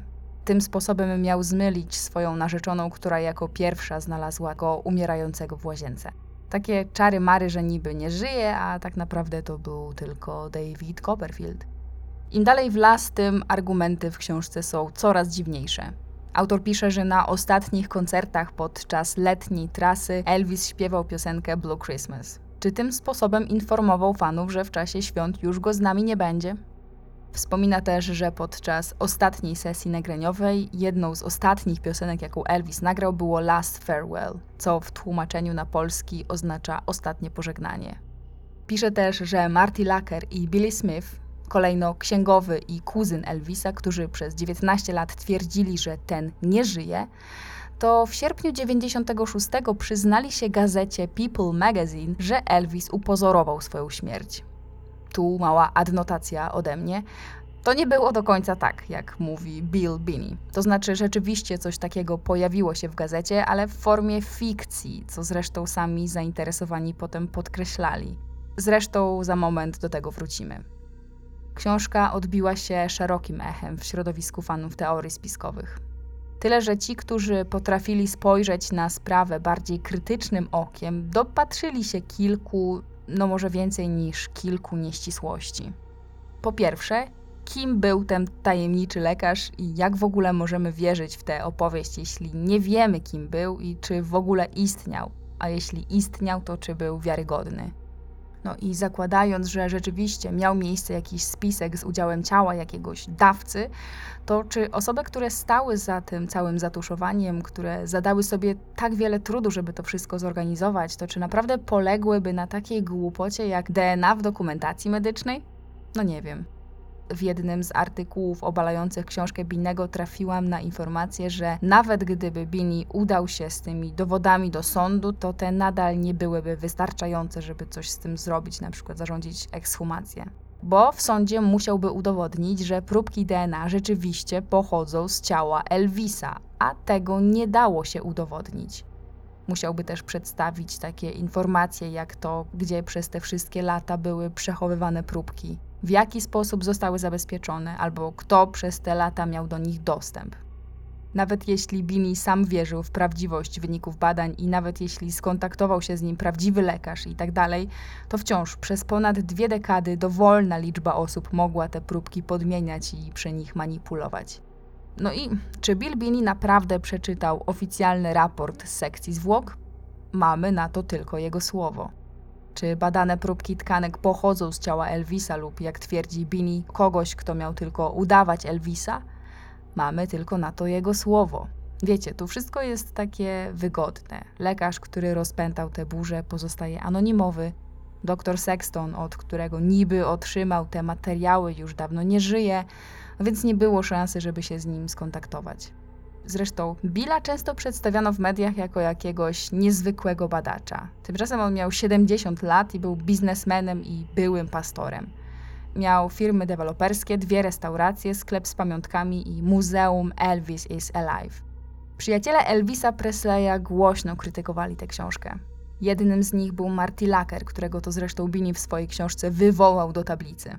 Bo napisał, że Lacker przyznał po latach w gazecie, że wierzy, że Elvis żyje. Marty Lacker odniósł się do tego i powiedział, że nigdy niczego takiego nie powiedział, a dowody przedstawione przez Binego to stek bzdur. A cytując wywiad przeprowadzony z Lackerem dla portalu Elvis Information Network, Bill Binney jest wariatem i powiedziałem mu to w twarz lata temu.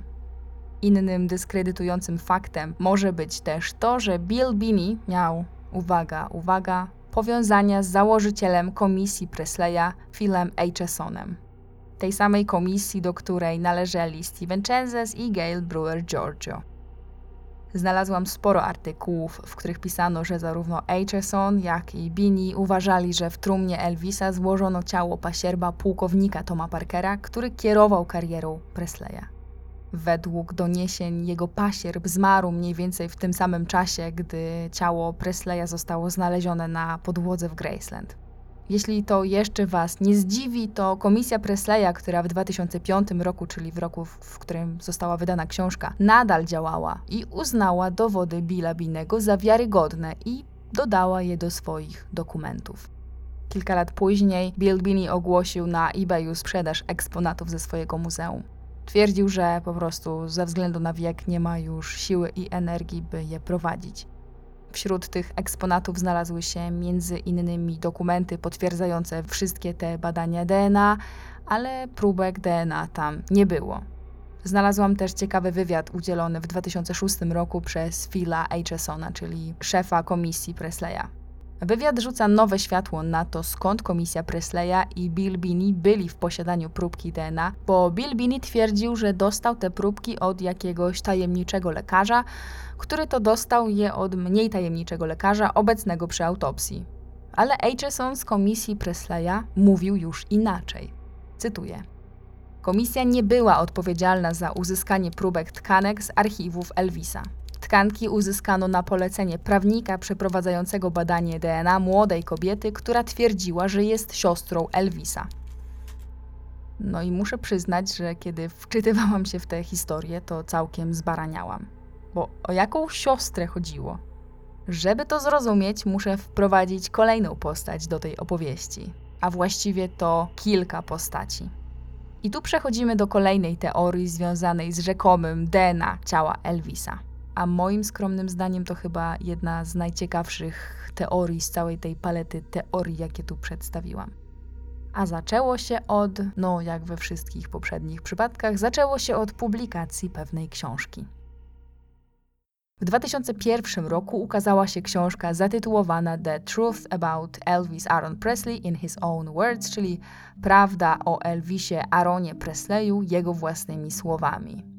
No, zapowiada się ciekawie, zważywszy na to, że facet od ponad 20 lat oficjalnie spoczywał w grobie.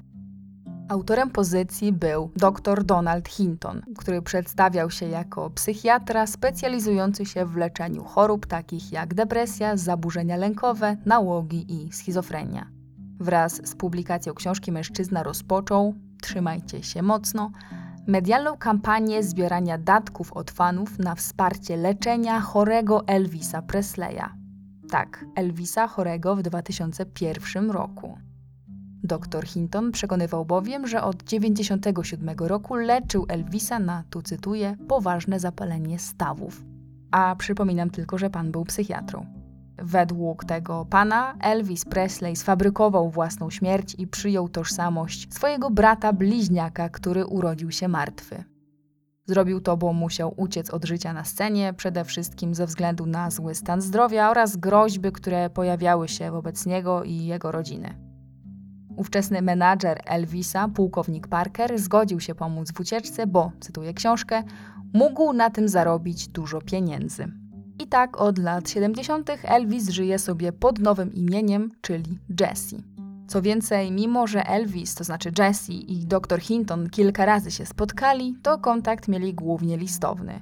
Ale Elvis z czasem zaprzyjaźnił się ze swoim lekarzem tak bardzo, że nie tylko zgodził się na napisanie książki o tej ich przyjaźni. Ba, on tę książkę pomógł mu napisać, stąd też tytuł. Pozwólcie, że zacytuję jeden z artykułów prasowych opublikowanych na temat tej rewelacji. Kiedy dr Hinton spotkał Jesse'ego, przyjął go jako pacjenta. Odkrył, że ten cierpi na zespół przewlekłego bólu stawów. Mimo, że nie jest to jego specjalizacja, lekarz był w stanie rozpocząć leczenie. Dr Hinton twierdzi, że łatwo było rozpoznać, że Jesse to Elvis – Mimo, że trochę się zestarzał, mężczyzna jest nadal tym samym Elvisem Presleyem. Dr Hinton twierdzi, że Jesse udał się do swojego dawnego domu Graceland i zabrał parę spinek do mankietów ze swojej dawnej sypialni i wręczył mu na dowód swojej prawdziwej tożsamości. Jesse pokazał mu również różne tajne dokumenty FBI, które byłyby trudne do zdobycia dla kogokolwiek innego. Cała książka napisana jest w formie autobiografii, pisanej z perspektywy owego lekarza. Na początku autor przedstawia kilka podobieństw między Elvisem a poznanym przez niego Jessim. I chodzi tu o podobieństwa fizyczne, ale nie podaje żadnych konkretów na temat tego, czym Jesse się obecnie zajmuje, z czego żyje czy gdzie mieszka. Wygląda na to, że Jesse ma kilka różnych domów w różnych stanach. Lekarz zamieścił też w książce sporo odręcznych listów napisanych przez tego Jesse'ego. Cytuję książkę. Kiedy zaczynałem go leczyć, nie było mowy o książce i musiałem obiecać, że nikomu o tym wszystkim nie powiem. Ale na początku 98 roku Jesse sam zaczął wspominać mi o chęci napisania książki. Dr Hinton odniósł się do kilku wskazówek, jakie Elvis miał pozostawić fanom na znak, że żyje. Jedną z nich jest geneza podwójnego A w imieniu Aaron wyrytym na nagrobku. Rzekomy Elvis wyjaśnia, że, tu cytuję, dodatkowe A oznaczało pierwszą literę słowa alive, czyli żywy. Książka nie została wydana przez żadne duże wydawnictwo, ponieważ, tu znów cytuję, król chciał, aby była przystępna cenowo dla fanów. No, szczodrze. Według Hintona Elvis, a raczej Jesse, jest teraz zupełnie innym człowiekiem. Cytuję. To bardzo duchowa osoba. Odstraszają go pieniądze i show biznes. Jest bardziej chroniony niż prezydent. Gdyby sam nie chciał, żeby ta tajemnica wyszła na jaw, zabrałbym ją do grobu. A czy Hinton ma może jakieś, nie wiem, zdjęcie Jesse'ego, żeby czytelnicy mogli sami ocenić, czy jest tutaj jakieś podobieństwo do Elvisa? Otóż tak. W książce pojawiło się jedno zdjęcie. Osoby, które oglądają mnie na YouTubie, widzą teraz to zdjęcie na ekranie. Zdjęcie miało przedstawiać pierwsze spotkanie Jesse'ego z jego wnukiem, Benjaminem Stormem, i miało zostać wykonane w roku 94. No i rzeczywiście, być może jakieś podobieństwo między chłopcem ze zdjęcia a oryginalnymi zdjęciami Benjamina z tamtego okresu istnieje. Na przykład obaj mają blond włosy, ale czy rzeczywiście to jest to samo dziecko? No, tego w żaden sposób nie jestem w stanie stwierdzić. Zdjęcie nie jest też jakiejś świetnej jakości, a dziecko jest na tyle małe, że no, trudno to uznać za dowód. No oczywiście dziecko nie było jedyną postacią na zdjęciu, bo był tam też pewien starszy pan. No więc czy ten starszy pan wygląda jak Elvis, to już wy ocencie. Ale nawet jeśli wasza ocena będzie negatywna, to dr Hinton rozwieje wasze wątpliwości, bo twierdził w książce, że ewentualny brak podobieństwa fizycznego wynika z faktu, że Elvis przeszedł kilka operacji plastycznych, żeby się do siebie uniepodobnić. No dobra, ale w takim razie, czy dałoby się jakoś inaczej udowodnić, że Jesse to Elvis? Na przykład za pomocą badań DNA. Hinton pisze tak. Jesse dał mi kilka rzeczy, które mogę przetestować i które faktycznie miałyby na sobie jego DNA. Na przykład zdrowy ząb, który jest przedstawiony w książce. Ale to niestety Hinton tego zęba nie zbadał. Razem z promocją książki Hinton otworzył stronę internetową, gdzie publikował jeszcze więcej ciekawostek na temat Jesse'ego. Książka to miał być tylko początek, bo pisał tak, tu cytuję. Elvis ukaże się światu w sierpniu 2002, w 25. rocznicę swojej oficjalnej śmierci. Tyle, że no, sierpień 2002 roku minął, a Elvis się nie ujawnił. No to Hinton zaczął opowiadać, że Elvis ujawni się jednak w styczniu 2003. Ale styczeń minął i żadnego ujawnienia nie było. No więc Hinton mówił tak. Nie zmienił zdania, ale jest kilka bardzo wpływowych osób, które wciąż na niego czyhają i z powodów finansowych nie chcą, żeby Elvis kiedykolwiek się ujawnił i opowiedział światu prawdę. No, nie da się zaprzeczyć, że cała ta historia brzmiała jak absolutne szaleństwo ale znalazło się kilku dziennikarzy, którzy postanowili się sprawie przyjrzeć, bo czasem nawet coś, co wydaje się szalone, okazuje się być prawdą. I tym oto sposobem Susan Stratford, reporterka z Cleveland, rozpoczęła własne dochodzenie we współpracy z telewizją Fox News. No i przed kamerą przeprowadziła wywiad z doktorem Hintonem i zaproponowała mu test wykrywaczem kłamstw. Co ciekawe, doktor Hinton nie tylko się zgodził na test, ale przeszedł go pozytywnie. O ile ufać wariografowi, Hinton mówił prawdę. To nie koniec. Susan Stratford poinformowała, że na prośbę Hintona skontaktował się z nią sam Jesse, czyli nasz rzekomy Elvis po operacjach. Aby uwiarygodnić historię, dziennikarka poprosiła Jesse'ego o próbkę DNA. I słuchajcie, otrzymała ją. Telewizja Fox 8 News zleciła zbadanie tej próbki DNA i porównanie jej ze znanymi kontrolnymi próbkami Elvisa, w tym z próbką biopsji wątroby z 1975 roku. Ale nie powiem wam jeszcze, czy do siebie pasowały. Pozwólcie, że potrzymam was tutaj trochę w niepewności. Tym bardziej, że sprawa chwilowo ucichła, bo w międzyczasie dr Hinton zaczął mieć pewne, nazwijmy to, problemy prawne. trochę nie przemyślał tej swojej książki, bo doprowadziła do wszczęcia dochodzenia prokuratury w sprawie oszustwa. Chodziło o to, że sam przyznał się do nielegalnego przepisywania leków pacjentowi, z którym wymieniał jedynie listowną korespondencję. A to było wbrew prawu. Ale nie to było najciekawsze. Kiedy dr Hinton został zaatakowany przez prokuraturę, to Jesse osobiście napisał list do prokuratora generalnego, obalając oskarżenia o oszustwo. Biuro prokuratora generalnego zleciło więc analizę tego listu ekspertce od grafologii Shirley Mason, która była certyfikowanym grafologiem w jednym z reportaży dla Fox News poinformowała, że porównała list Jesse'ego i inne dokumenty napisane przez niego do listów napisanych kiedyś przez Elvisa Presleya. I co ciekawe, charakter pisma był niemal identyczny. A to już może wywołać ciarki na ciele. Hinton przez lata utrzymywał leczenie rzekomego Elvisa w tajemnicy przed wszystkimi, nawet przed swoją żoną ale do niewielkiego wewnętrznego kręgu powierników tajemnicy Elvisa, a.k.a. Jesse'ego, należała Linda Hood, która w książce Hintona była przedstawiona pod pseudonimem Shuma.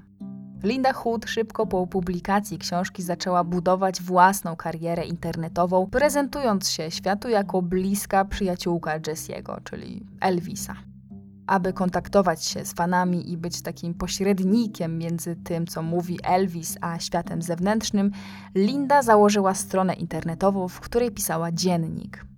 I to dosłownie dziennik, bo wpisy pojawiały się tam codziennie. I to, co pisała ta pani, to jest dopiero kraina grzybów. A wiem to, bo strona nadal istnieje i jest prawdziwą kopalnią perełek. Pierwszy wpis na blogu Lindy Hood, datowany na 2009 rok, brzmiał: Powiem tylko, że książka doktora Hintona to prawda. Napisana została wspólnie z Jessim, człowiekiem, który spisał się tak wspaniale jako Elvis Presley. Mój przyjaciel Jesse jest normalnym mężczyzną, a nie wizerunkiem supergwiazdy, który go tak męczył. Jesse przyjaźni się ze mną i moim mężem od wielu lat, począwszy od wiosny 92 roku. W ciągu tego czasu wielokrotnie udowadniał mi, że rzeczywiście jest Elvisem. I tutaj aktualizacja strony napisana w 2020 roku. Jesse poprosił mnie, abym była jego głosem. Pracowałam wiernie każdego dnia od momentu, w którym mnie o to poprosił. Kolejne 170 stron tego bloga jest świadectwem jego wsparcia dla mnie i mojego oddania sprawie.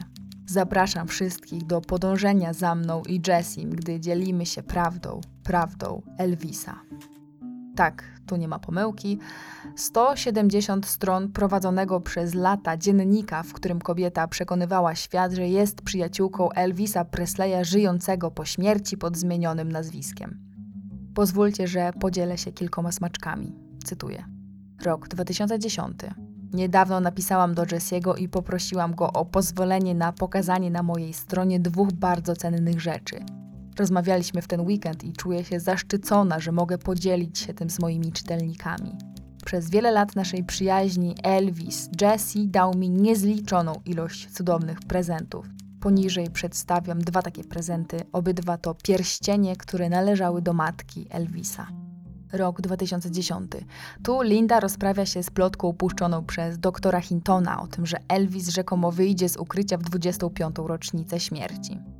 Nadszedł czas, aby udowodnić światu, że Elvis Jesse nigdy nie obiecywał, że wyjdzie z ukrycia w 2002 roku.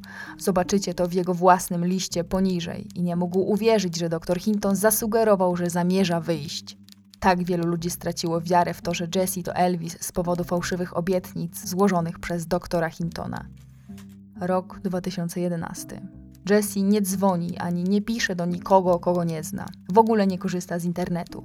Jego kontakt z kimkolwiek jest ściśle strzeżony. Każdy w internecie, kto twierdzi, że jest Jessim, jest oszustem i nie należy mu ufać ta część jest pisana kapslokiem, niniejsza witryna istnieje za zezwoleniem, zatwierdzeniem i w stuprocentowym wsparciem Elvisa Presleya, który teraz jest Jessim. W jednym z wywiadów udzielonych w 2012 roku kobieta została zapytana o to, czy kiedykolwiek widziała całego tego Jessiego na żywo. Odpowiedziała tak. Nie i nigdy o to nie prosiłam. Nie muszę. Przez te wszystkie lata nigdy się nie wtrącałam, nie zadawałam pytań. Nigdy mu nie stawiałam żadnych wymagań. Została też spytana, jak wielu ludzi było zaangażowanych w pomoc Elvisowi w ucieczce 16 sierpnia. Cytuję. Powiedział mi, że w Graceland sześć osób złożyło przysięgę, że nigdy nie zdradzą jego sekretu. Skąd Jesse miał pieniądze na życie? Nie ma pieniędzy w gotówce, ale ma pieniądze na wszystkie swoje potrzeby i większość zachcianek. Co Elvis robi ze swoim czasem wolnym? Podaje mi tytuły płyt muzycznych, które chciałby mieć, a ja je znajduję i zdobywam dla niego. Zbiera monety, ma kolekcję monet. Nie czyta dużo, a przynajmniej takie mam wrażenie.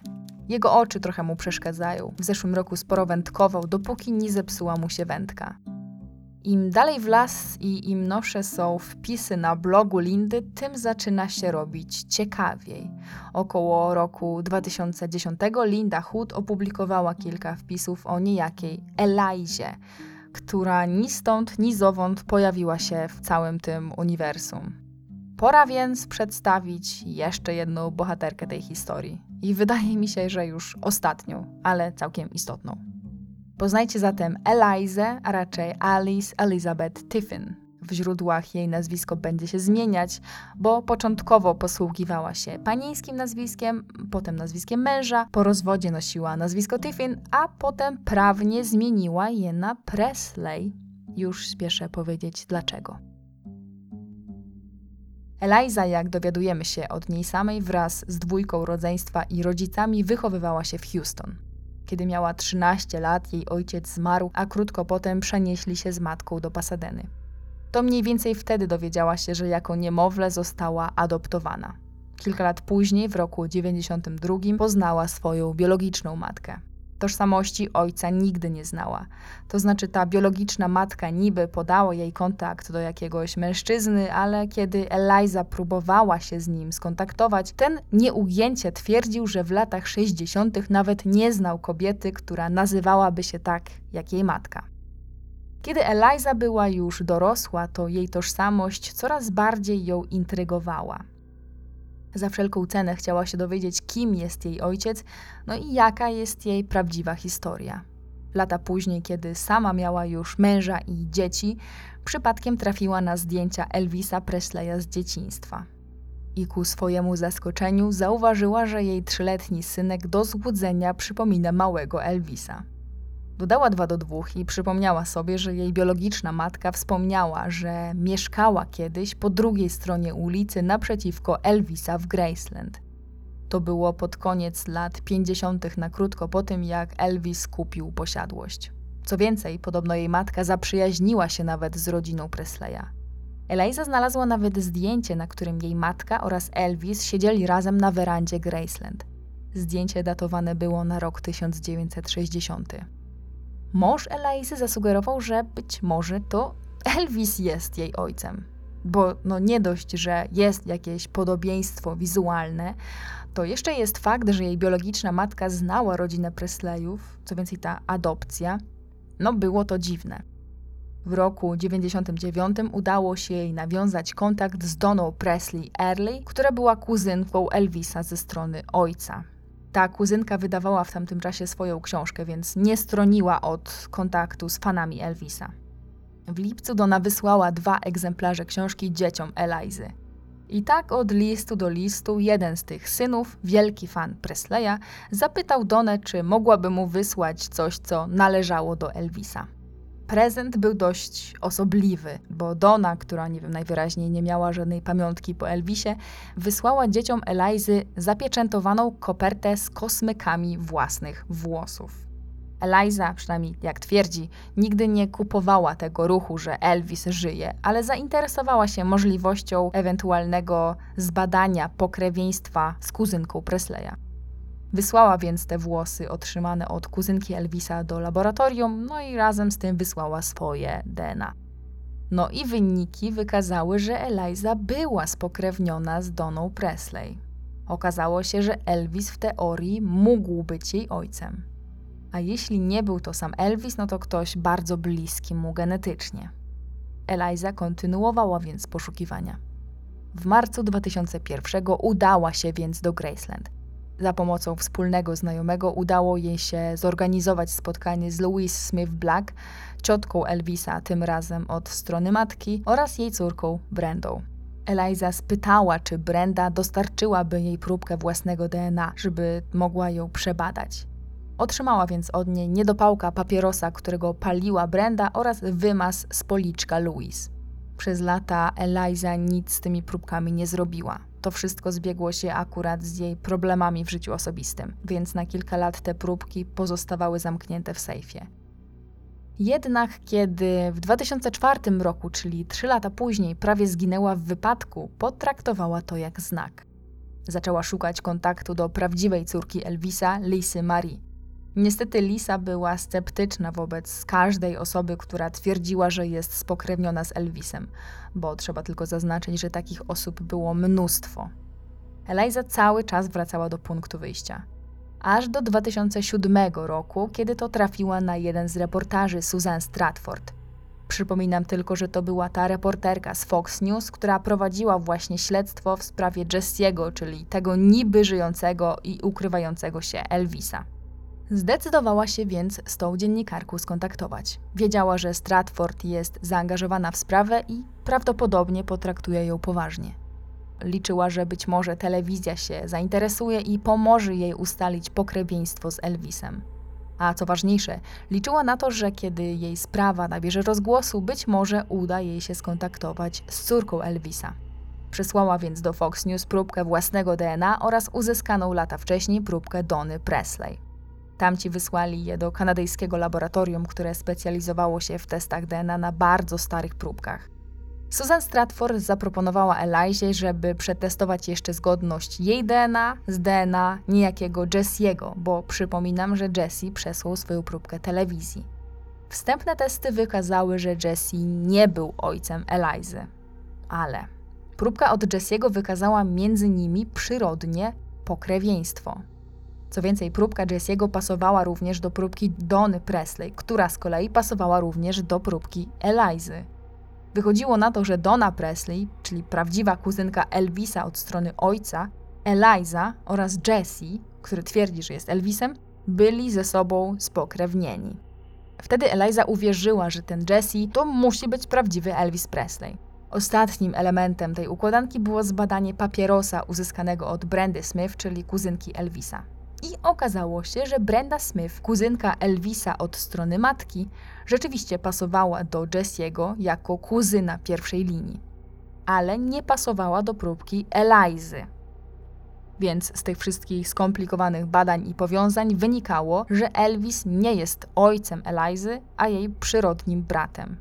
A to znaczyło, że ojcem Elizy był Vernon Presley, ojciec Elvisa. Ale oczywiście nikt nie dysponował DNA Vernona, więc pokrewieństwo należało wnioskować z DNA innych członków rodziny. Eliza dwukrotnie występowała na drogę sądową o ustalenie ojcostwa i uznania jej za prawowitą spadkobierczynię Vernona Presleya oraz o ponowne otwarcie majątku Vernona. Obie sprawy toczyły się oddzielnie. Sąd zdecydował się otworzyć majątek Vernona, ale bez wygrania tej pierwszej sprawy, czyli bez prawnego uznania jej za córkę Vernona, nie mogła niczego po nim odziedziczyć. Ale mogła działać dalej i dochodzić swoich rzekomych praw majątkowych. Majątek nieżyjącego już Vernona Presleya został uregulowany dziesiątki lat temu. Gdyby więc jej roszczenie zostało udowodnione i zaakceptowane przez sąd i zostałaby oficjalnie uznana za jego córkę, miałaby wtedy prawo do udziału w rocznych dochodach generowanych przez Elvis Presley Enterprises. Stawka była wysoka. Elvis Presley Enterprises w 2009 roku zarabiało 55 milionów dolarów rocznie i to byłoby poważne zagrożenie, gdyby udowodniono, że nie tylko Eliza jest córką Vernona, ale też Elvis sam jako Jesse naprawdę żyje.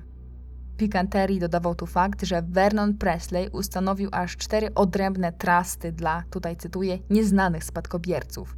Zupełnie jakby miał świadomość, że tacy nieznani spadkobiercy mogą istnieć i mogą się kiedyś tego spadku domagać. Taką procedurę osoby znane robią niezwykle rzadko, jeśli nie powiedzieć nigdy, bo z prawnego punktu widzenia ułatwiała takim osobom trzecim domaganie się kawałka tortu z rodzinnej fortuny.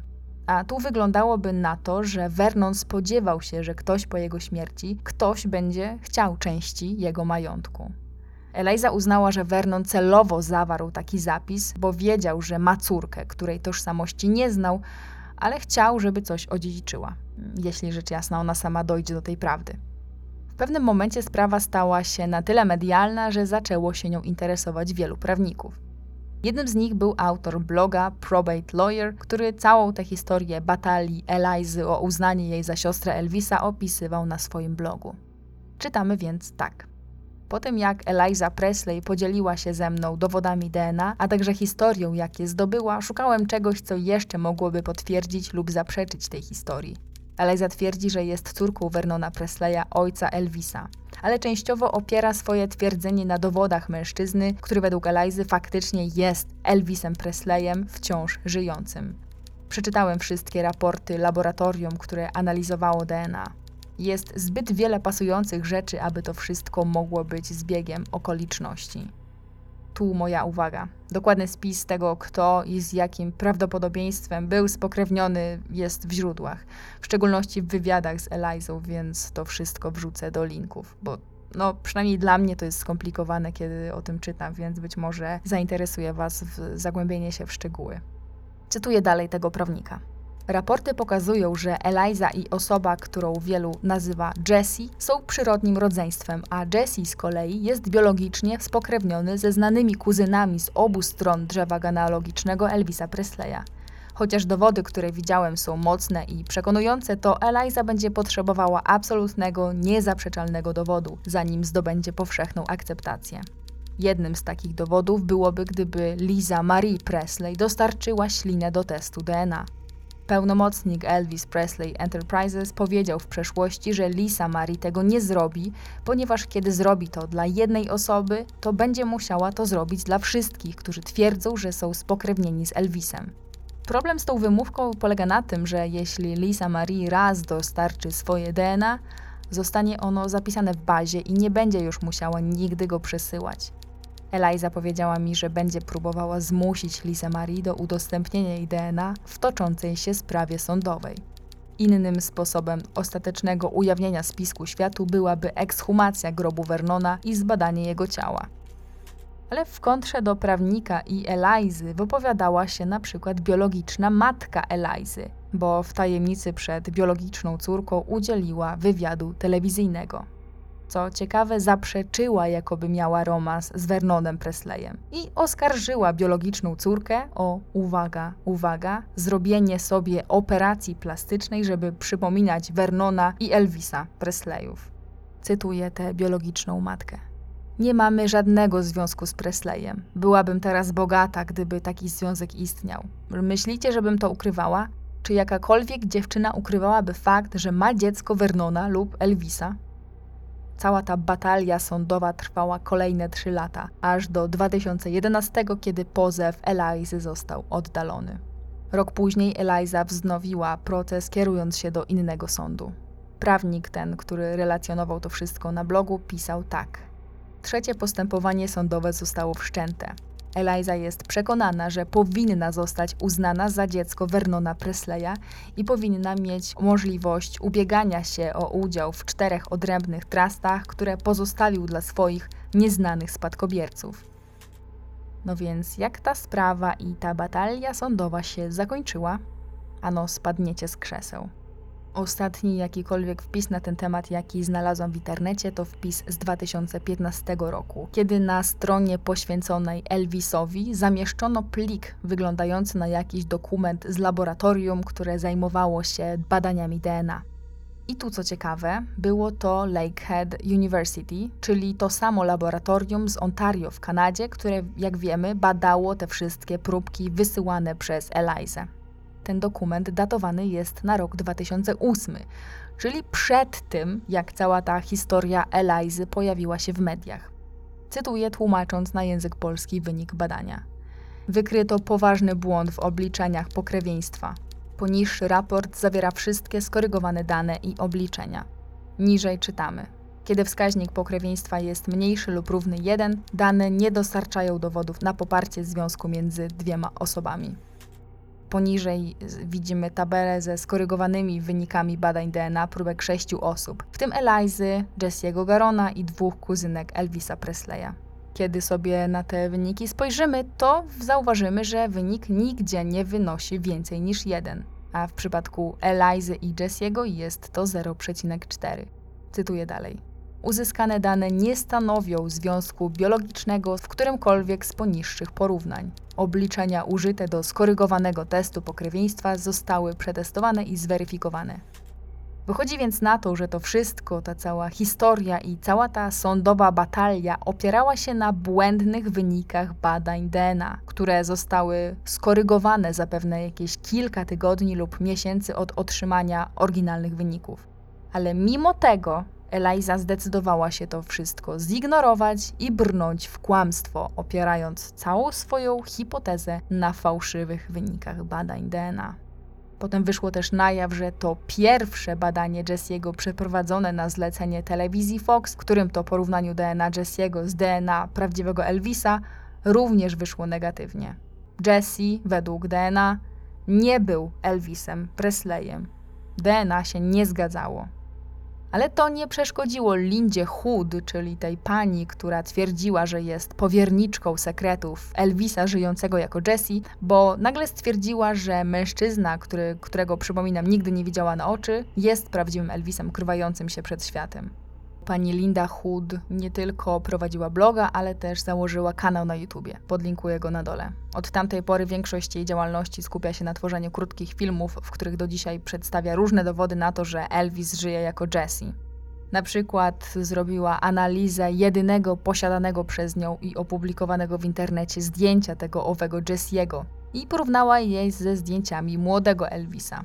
Podkreśla na przykład to, że obaj mają podobną bliznę na nodze. Linda Hood była wielokrotnie krytykowana przez osoby, które badały sprawę albo były po prostu bliskie Elvisowi, kiedy ten żył. Jej poczynania skomentował na przykład Mickey Moran, autor książki zatytułowanej Presley Arrangement. I tu go zacytuję. Linda Hood ma większe urojenia niż kiedykolwiek myślałem, że są możliwe. Jej Jessie nie jest Elvisem i zostało to udowodnione przez badanie DNA. Wciąż wciska ludziom swoją postać Jesse'ego, przekonując, że to Elvis. Zastanawiam się, czy kiedykolwiek zauważyła, że Elvis miał owłosioną klatkę piersiową, a jej Jessie jest gładki jak indiański szaman. 20 lat rzekomej przyjaźni, a ona wciąż była w stanie otrzymać od niego tylko jedno zdjęcie, w którym facet w niczym nie przypomina Elvisa. Nie mogę uwierzyć, że kobieta wciąż próbuje przekonać ludzi do swojej teorii. Na temat tej sprawy wypowiadało się też EIN, czyli oficjalny portal dotyczący Elvisa, który od lat skrupulatnie bada każdą wzmiankę na ten temat, jaka się pojawia. Na stronie czytamy tak: Jesse Presley jest oszustem. Eliza Presley jest oszustką. I Linda Hood też jest oszustką. Więcej niż raz zapowiadano, że Jessie wkrótce spotka się ze swoimi fanami lub że wychodzi z ukrycia. Widzieliśmy, jak prawdziwi, zatroskani fani wydają swoje ciężko zarobione pieniądze, żeby pomóc finansowo komuś, kogo nigdy nie widzieli. Sprawę Jessiego skomentował też naczelny obalacz teorii spiskowych, pisarz Patrick Lacey. Tu cytuję. Historia Donalda Hintona jest bez wątpienia jedną z najdziwniejszych opowieści, jaką kiedykolwiek słyszałem. Licencjonowany lekarz twierdzi, że leczy Elvisa Presleya, który zmarł lata temu, mimo że nie badał pacjenta osobiście. Zamiast tego wysyła mu pocztą leki, a czyniąc to narusza tak wiele granic etycznych i prawnych, że głowa mała. Ale po opublikowaniu tej książki o rzekomym żyjącym Elvisie, historia osobista doktora Hintona była wcale nie mniej sensacyjna bo odkryto, że w okresie od 1997 do 2000 roku dr Hinton przepisał pacjentom pięciokrotnie więcej leków niż zalecana ilość. Lekarz został zawieszony w prawach do wykonywania zawodu i zrzekł się prawa do przepisywania pacjentom substancji kontrolowanych, więc nie mógł już zamawiać leków. Co ważne, to w 2005 roku publicznie przeprosił, kiedy zdał sobie sprawę, że został wprowadzony w błąd a pieniądze, które jak sądził otrzymywał na pomoc choremu Elvisowi, szły w rzeczywistości do oszusta, który to sobie sprytnie zaplanował. Do dziś nie wiadomo, kto za tym stał i kim był Jesse. Według niektórych teorii nie było jednego Jesse'ego, a co najmniej kilku. To znaczy, jeden na pewno wysłał swoje próbki DNA, ale to nie oznacza, że to on wysyłał te wszystkie listy i że to on jest na zdjęciu z chłopcem. Trudno też powiedzieć, czy dr Hinton i Linda Hood byli w to zamieszani. To znaczy, że sami brali udział w spisku, czy może raczej byli tylko naiwnymi pionkami w czyjejś grze. Badanie wariografem potwierdziło, że Hinton wierzył w to, że ta historia jest prawdziwa. No a blog Lindy Hood też wskazuje na to, że kobieta jest święcie przekonana, że ktoś, z kim rozmawia od lat, naprawdę jest Elvisem. Co więcej, ktoś naprawdę potrzebował recept od doktora Hintona. Na wypisane recepty są dowody.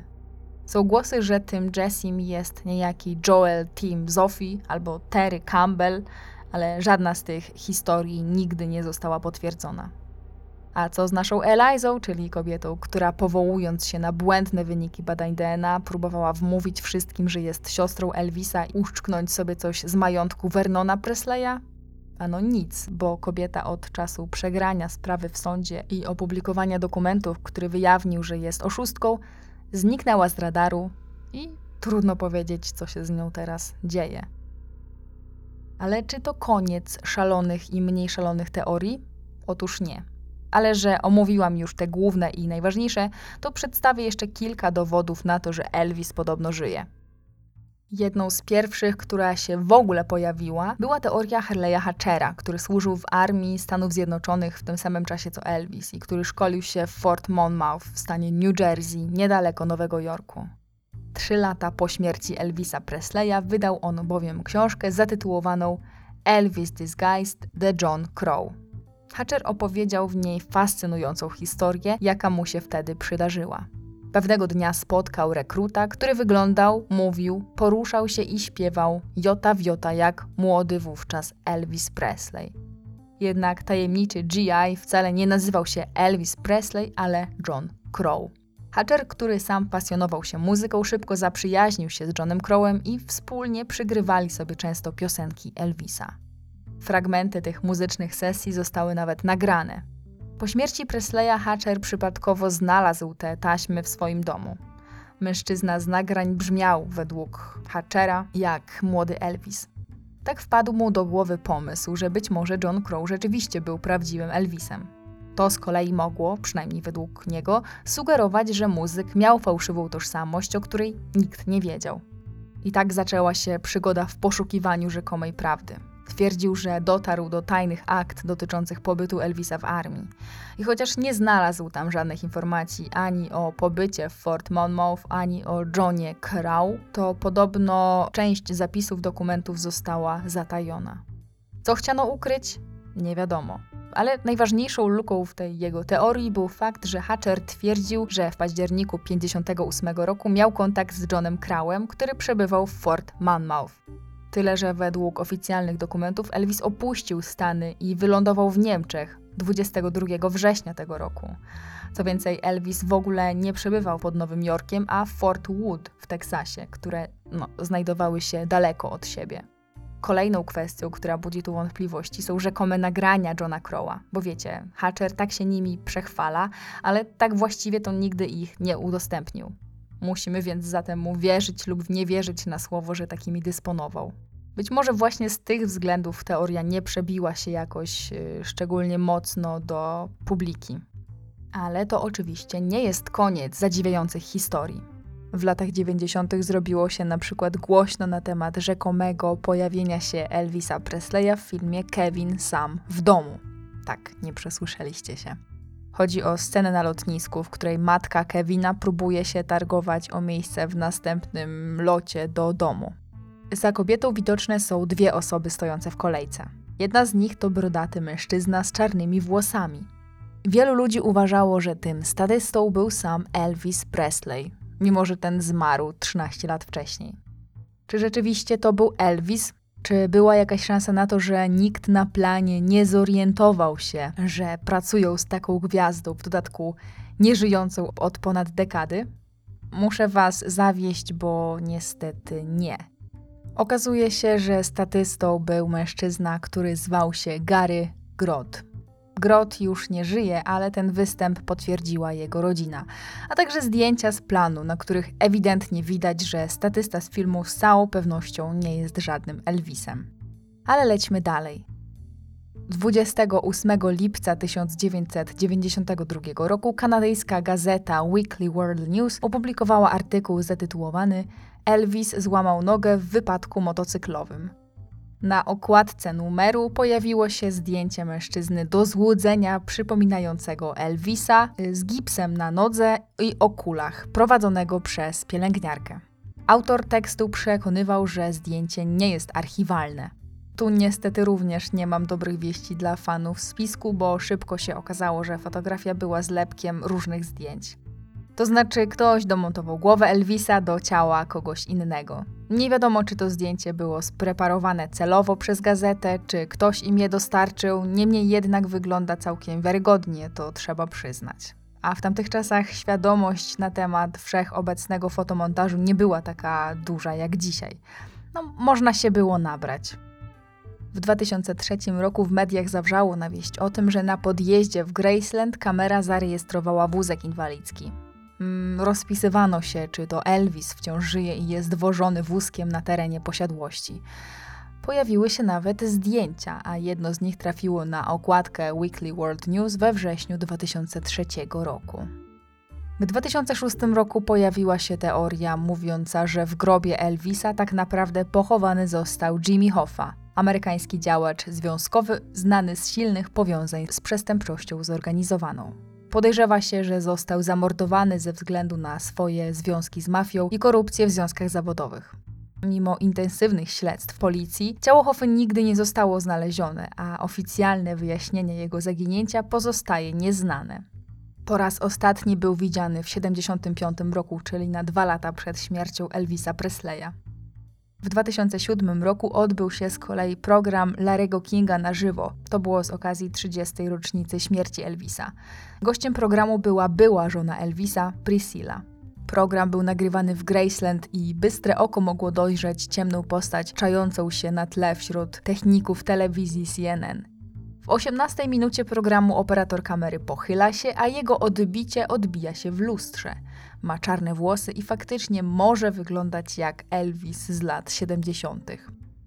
W 2014 roku popularna była z kolei teoria o Illuminati.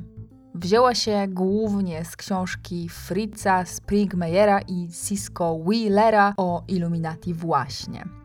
Pisali w niej, że przemysł muzyczny jest pełen artystów, którzy pracują jako programiści kontroli umysłu, a Elvis miał w tej sprawie grać dużą rolę. Zacytuję teraz książkę. Programowanie przemysłu rokowego zaczęło się od Elvisa Presleya, który najprawdopodobniej był zaprogramowanym niewolnikiem, a jego programistą był jego menedżer, pułkownik Tom Parker.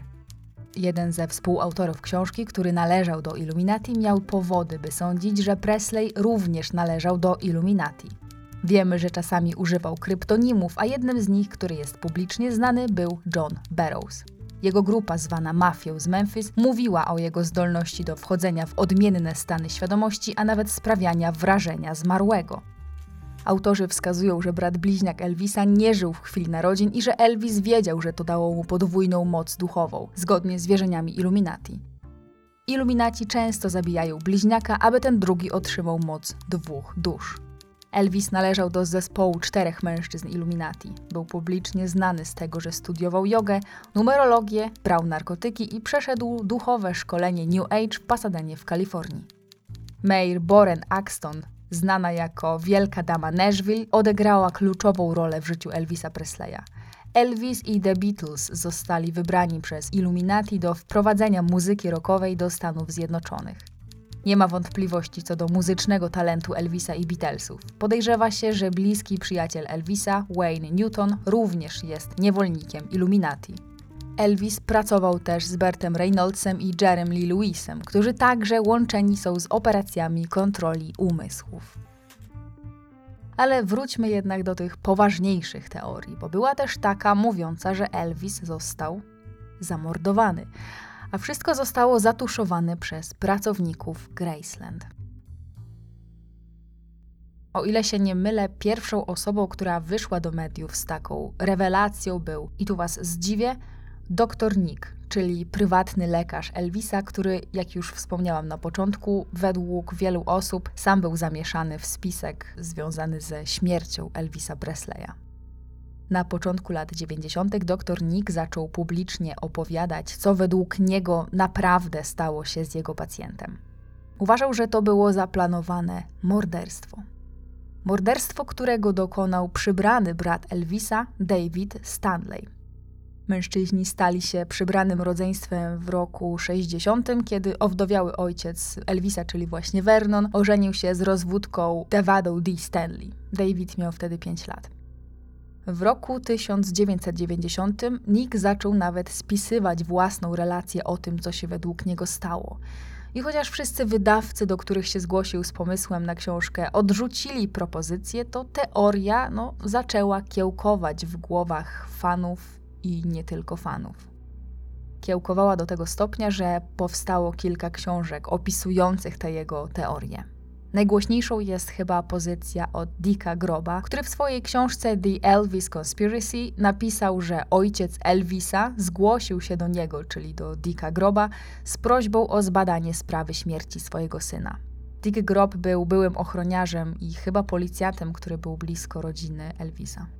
Miał to zrobić po tym, jak rzekomo David Stanley, czyli jeden z synów nowej żony Vernona, powiedział ojczymowi, tu cytuję: Zabiłem Elvisa, zabiłem twojego syna. Dlaczego Vernon po usłyszeniu czegoś takiego od przybranego syna nie udał się na policję, tylko poprosił o pomoc cichaczem byłego ochroniarza, tego już nie wiemy.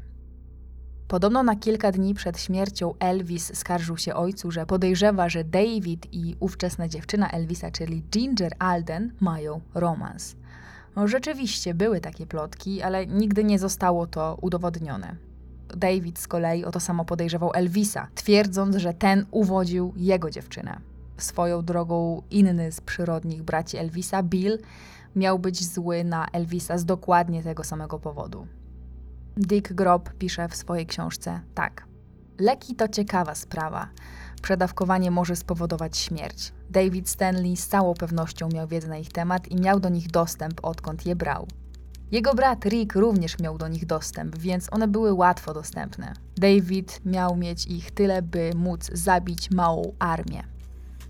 Aurelia Dupont w swojej książce zatytułowanej We Just Killed Elvis, czyli właśnie zabiliśmy Elvisa, Twierdzi z kolei, że to ona powiedziała Vernonowi, że David Stanley przyznał się jej do zabicia Elvisa.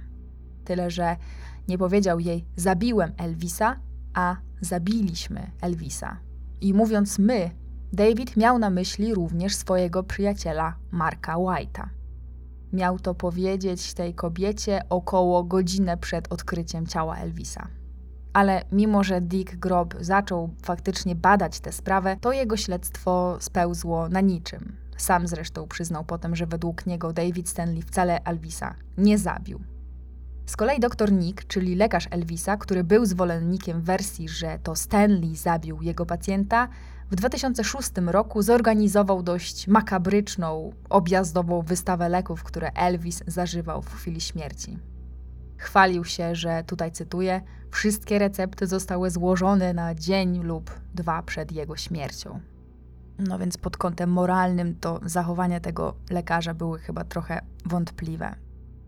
Żeby jednak było ciekawiej, sam David Stanley, oskarżony przez lekarza o to, że zabił Elvisa, on sam był zwolennikiem teorii, że Elvis sam targnął się na swoje życie.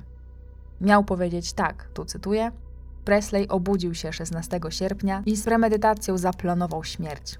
Duża ilość leków cię zabije i Elvis o tym wiedział. W jednym z artykułów na temat tej teorii Davida Stanleya czytamy tak. Elvis miał ścisłą rutynę. Trzy razy dziennie przyjmował prawie tuzin różnych leków na receptę i środków przeciwbólowych. Leki były podawane przez osoby z jego otoczenia. To całe zażywanie leków zaczęło się w 1958 roku, po tym jak został powołany do wojska i wysłany za granicę. Na froncie zaczął brać, by nie zasnąć. W połowie lat 70. uzależnienie Elvisa od leków było już tak poważne, że potrzebował całodobowej opieki i nadzoru. David był jedną z osób, która się nim opiekowała.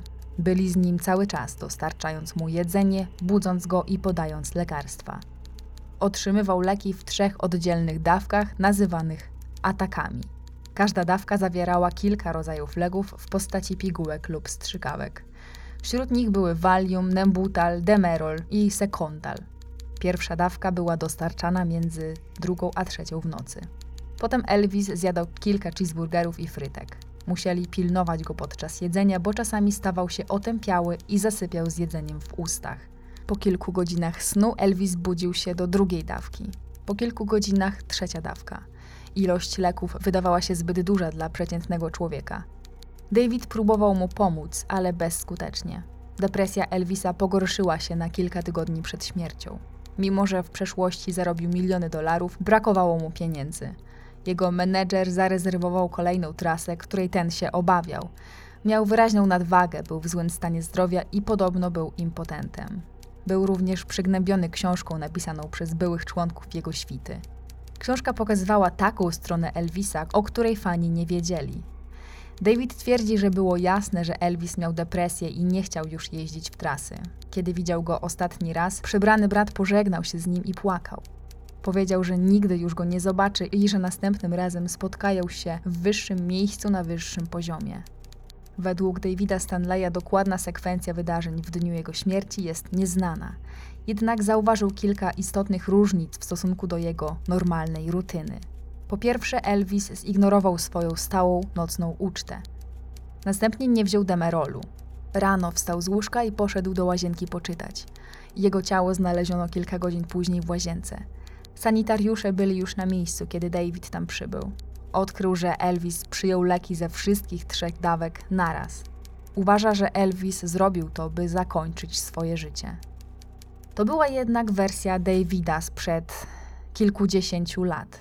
Tak, bo pod koniec zeszłego roku na Amazon Prime pojawił się film dokumentalny Kochając Elvisa, w którym to David Stanley przedstawia nieco zmienioną wersję tej swojej teorii. Podtrzymuje to, że Elvis według niego sam targnął się na swoje życie, ale teraz dodaje, że głównym powodem miało być zamiłowanie Elvisa do bardzo młodych dziewcząt i obawa przed zdemaskowaniem tego faktu przez jego byłych ochroniarzy, którzy dopiero właśnie wydali książkę na temat jego uzależnienia od leków. Podobno bał się, że ujawnią wkrótce właśnie jego romanse z młodymi dziewczynami. Z dokumentu wynika, że Presley miał mieć mnóstwo relacji seksualnych z nastolatkami i to od wczesnych dni swojej sławy w latach 50., aż do śmierci w wieku 42 lat. Elvis czuł tak wielkie poczucie winy z powodu sypiania z nieletnimi, że cytuję tutaj Davida, po prostu nie mógł tego kontynuować. Jego przybrany brat mówi w dokumencie tak. Jego zamiłowanie do młodych dziewcząt w wieku 15 lub 16 lat przyprawiało mnie o mdłości. Mówiłem mu, że to cud, że nie został jeszcze złapany. Ze względu na swoje pieniądze, fortunę, sławę i władzę i charyzmę i magnetyzm uszły mu na sucho rzeczy, które większości ludzi nie uszłyby na sucho. Z premedytacją wziął leki, które go zabiły. Po prostu nie mógł już tego znieść. Ale kilka miesięcy później Stanley wycofał się ze swoich słów i przeprosił publicznie na Facebooku. No, ale wiecie, Jedno to przeprosić za to, jak się coś ujęło w słowa, a drugie to odkręcić rzeczy, które się powiedziało, a tego David Stanley nie uczynił. Ale wróćmy na chwilę do teorii. Czy Elvis rzeczywiście mógł targnąć się na swoje życie sam? Wiele osób z jego bliskiego grona miało wątpliwości. Jego szef ochrony Lamar Fike powiedział w jednym z dokumentów tak. Każdy myśli, że on brał prochy, żeby od wszystkiego uciec ale on po prostu uwielbiał prochy. Rzecz w tym, że nieraz mu mówiłem: Elvis, nie musisz brać tego szajsu, a on na to potrzebuje go. Ówczesna narzeczona Elvisa, Ginger Alden, również nie wierzyła w taką wersję zdarzeń. Twierdziła, że w ich ostatniej wspólnej rozmowie omawiali plany ślubne. Mówiła, że Elvis nie mógł się doczekać wielu rzeczy, między innymi kolejnych dzieci. Kilka godzin przed jego śmiercią ustalili datę ślubu a ten dzień, dzień jego śmierci, rozpoczął się dla nich z podekscytowaniem i nadzieją. W wywiadach dla prasy przekonywała, że Elvis patrzył w przyszłość z dużym optymizmem. Jakiś czas przed śmiercią powiedział jej, że jest miłością jego życia i nigdy nie czuł się tak zakochany. Tutaj warto jednak wspomnieć, że nie każdy wśród fanów Elvisa jest jakimś wielkim zwolennikiem tej kobiety, bo członkowie Memphis Mafia, czyli osoby najbliższe Elvisowi, delikatnie rzecz ujmując, za Ginger nie przepadali. Mieli uważać, że kobieta próbuje oddzielić ich od Elvisa, a ona i jej rodzina próbowali wyciągać od niego pieniądze. Bo na przykład Elvis spłacił hipotekę domu jej rodziców i albo kupił jej samochód, już nie mówiąc o pierścionku zaręczynowym za podobno 70 tysięcy dolarów. Zgodnie z doniesieniami prasy, rodzina Elvisa mówiła, że Ginger nie jest mile widziana w Graceland, a jego wujek powiedział nawet w wywiadzie, że dla rodziny Presleyów Alden nie żyje, bo wykorzystywała Elvisa. Ginger wielokrotnie temu zaprzeczała. Ale wróćmy na chwilkę do teorii o zabójstwie. Bo powiem wam, że nie tylko David Stanley i dr Nick byli podejrzewani o zrobienie czegoś Elvisowi. Do tego zacnego grona osób podejrzanych zaliczano też menedżera Presleya, pułkownika Parkera. No, nie od dziś wiadomo, że dla Parkera liczyły się tylko pieniądze. Bardziej niż jakieś ambicje, aspiracje, marzenia, a nawet, a nawet zdrowie Elvisa. Trafił na podatny grunt, bo uczciwy ich skromny chłopak z południa nie przeciwstawiał się menadżerowi i wierzył, że ten chce dla niego dobrze a przynajmniej na początku, bo w wieku około 30 lat Elvis zaczął się powoli sprzeciwiać władzy, jaką Parker miał nad jego życiem. Pod koniec lat 60. Elvis zdecydował się wrócić do koncertowania, w czasie kiedy menadżer żądał, by ten skupiał się na pracy w filmach.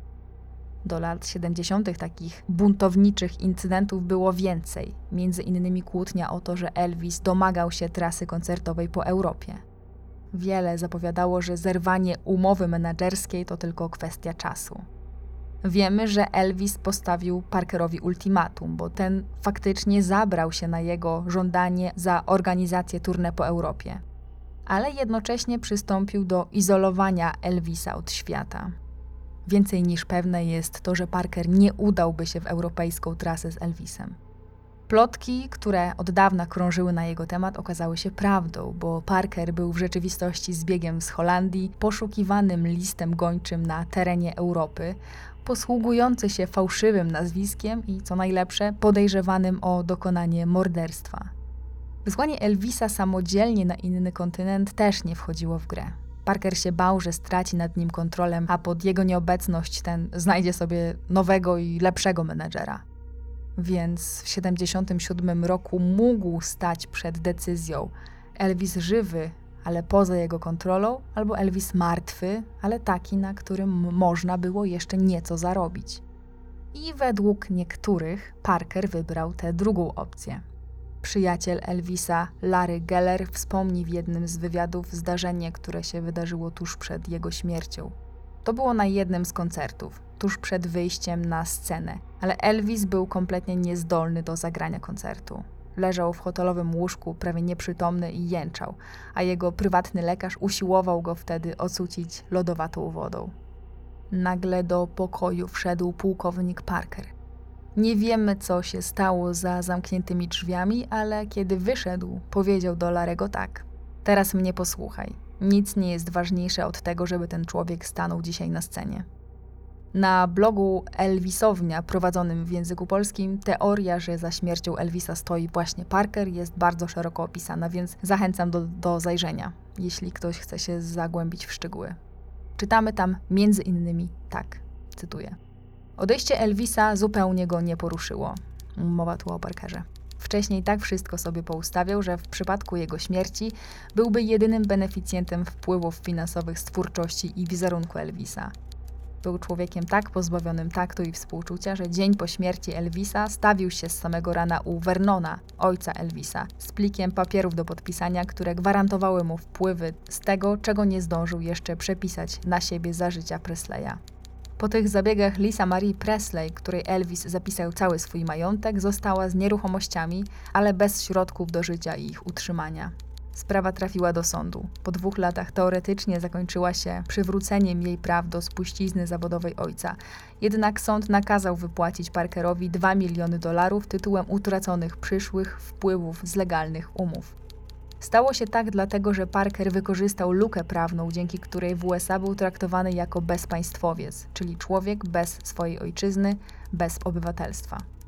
W związku z tym w procesach sądowych nie podlegał większości przepisom prawa, jakim podlegali pełnoprawni obywatele USA. Z tego samego powodu nigdy nie odpowiedział karnie i nie poszedł do więzienia za przekręty, które mu udowodniono podczas tego dwuletniego procesu. Wśród podejrzanych o zamieszanie w śmierć Elvisa byli też innymi producenci muzyczni, bo ten od jakiegoś czasu odmawiał im stawienia się w studio i nagrania nowego materiału. Paradoksalnie śmierć Elvisa uratowała wytwórnię RCA, która wydawała jego płyty. Nie od dziś wiadomo, że wraz ze śmiercią kogoś znanego popyt na jego dzieła rośnie. I tak też było w tym przypadku. Czyli więc, co tak naprawdę stało się z Elvisem? Jaka była przyczyna jego śmierci? Oficjalnie był to zawał serca, a nieoficjalnie pozwólcie, że zacytuję badacza i pisarza Patricka Lacey'ego. 21 października 1977 roku dr Jerry Francisco, lekarz sądowy, ogłosił, że prawdopodobną przyczyną śmierci Elvisa była nadciśnieniowa choroba serca związana z miażdżycą tętnic. W tym momencie rozsądne jest stwierdzenie, że te choroby serca doprowadziły do śmierci w wyniku zawału serca. Ale problem polega na tym, że wnioski lekarzy przeprowadzających sekcję nie potwierdzają hipotezy Francisco. Jeśli chodzi o teorię śmierci spowodowaną przedawkowaniem, właściwym terminem jest tu polipragmazja, do czego doszedł zespół patologów, który przeprowadził sekcję. Polipragmazja to śmiertelna interakcja dwóch lub więcej leków, powodująca wykładniczo silniejszą reakcję na normalne lub terapeutyczne dawki leków. Ta przyczyna śmierci została rozstrzygnięta po przesłaniu raportów toksykologicznych do Baptist Memorial Hospital, gdzie stwierdzono zgon i gdzie miała miejsce sekcja zwłok. Jednak w oświadczeniu prasowym z 21 października Francisco odrzucił polipragmazję, chociaż do takiego wniosku doszedł zespół patologów, którzy przeprowadzali sekcję. Laboratorium, w którym przeprowadzono testy toksykologiczne, odkryło co najmniej 10 leków w organizmie Elvisa w chwili śmierci. W latach 90. koroner Joseph Davis odrzucił śmierć spowodowaną przez leki. Cytuję. Pozycja ciała Elvisa Presleya była taka, że miał już usiąść na komodzie, kiedy nastąpił atak. Runął do przodu na dywan i był martwy, gdy uderzył na podłogę. Gdyby to było przedawkowanie leków, Elvis pewnie podciągnąłby spodnie od piżamy i doczołgałby się do drzwi, by szukać pomocy.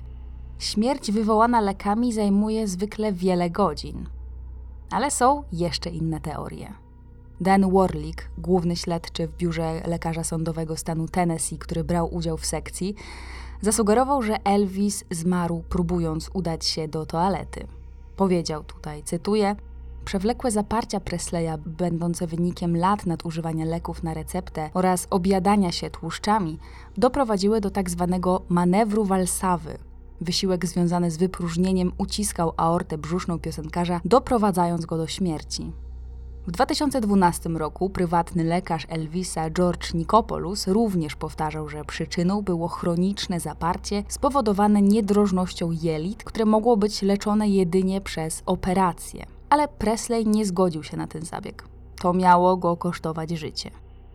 Wielu specjalistów, którzy później analizowali ten temat, też podkreślali ogólny kiepski stan zdrowia Elvisa lekarz dr Forrest Tennant w artykule naukowym z 2013 roku spekulował, że wszystko miało swój początek w urazie głowy, którego Elvis doznał w roku 67. Miał on wywołać postępującą autoimmunologiczną chorobę zapalną. Pod koniec lat 60. Elvis potknął się o kabel telewizyjny i upadł na wannę. Uraz miał być tak poważny, że spowodował przemieszczenie tkanki mózgowej i przedostanie się do jego krwiobiegu. Tam organizm zidentyfikował materię jako obcą i wytworzył przeciwciała, które mają ją zniszczyć, wywołując zaburzenie układu odpornościowego organizmu. Od czasu tego wypadku miał się skarżyć na zawroty głowy, bóle pleców i bezsenność, a także infekcje oczu i bóle głowy. Miały to potwierdzać dwa zdarzenia.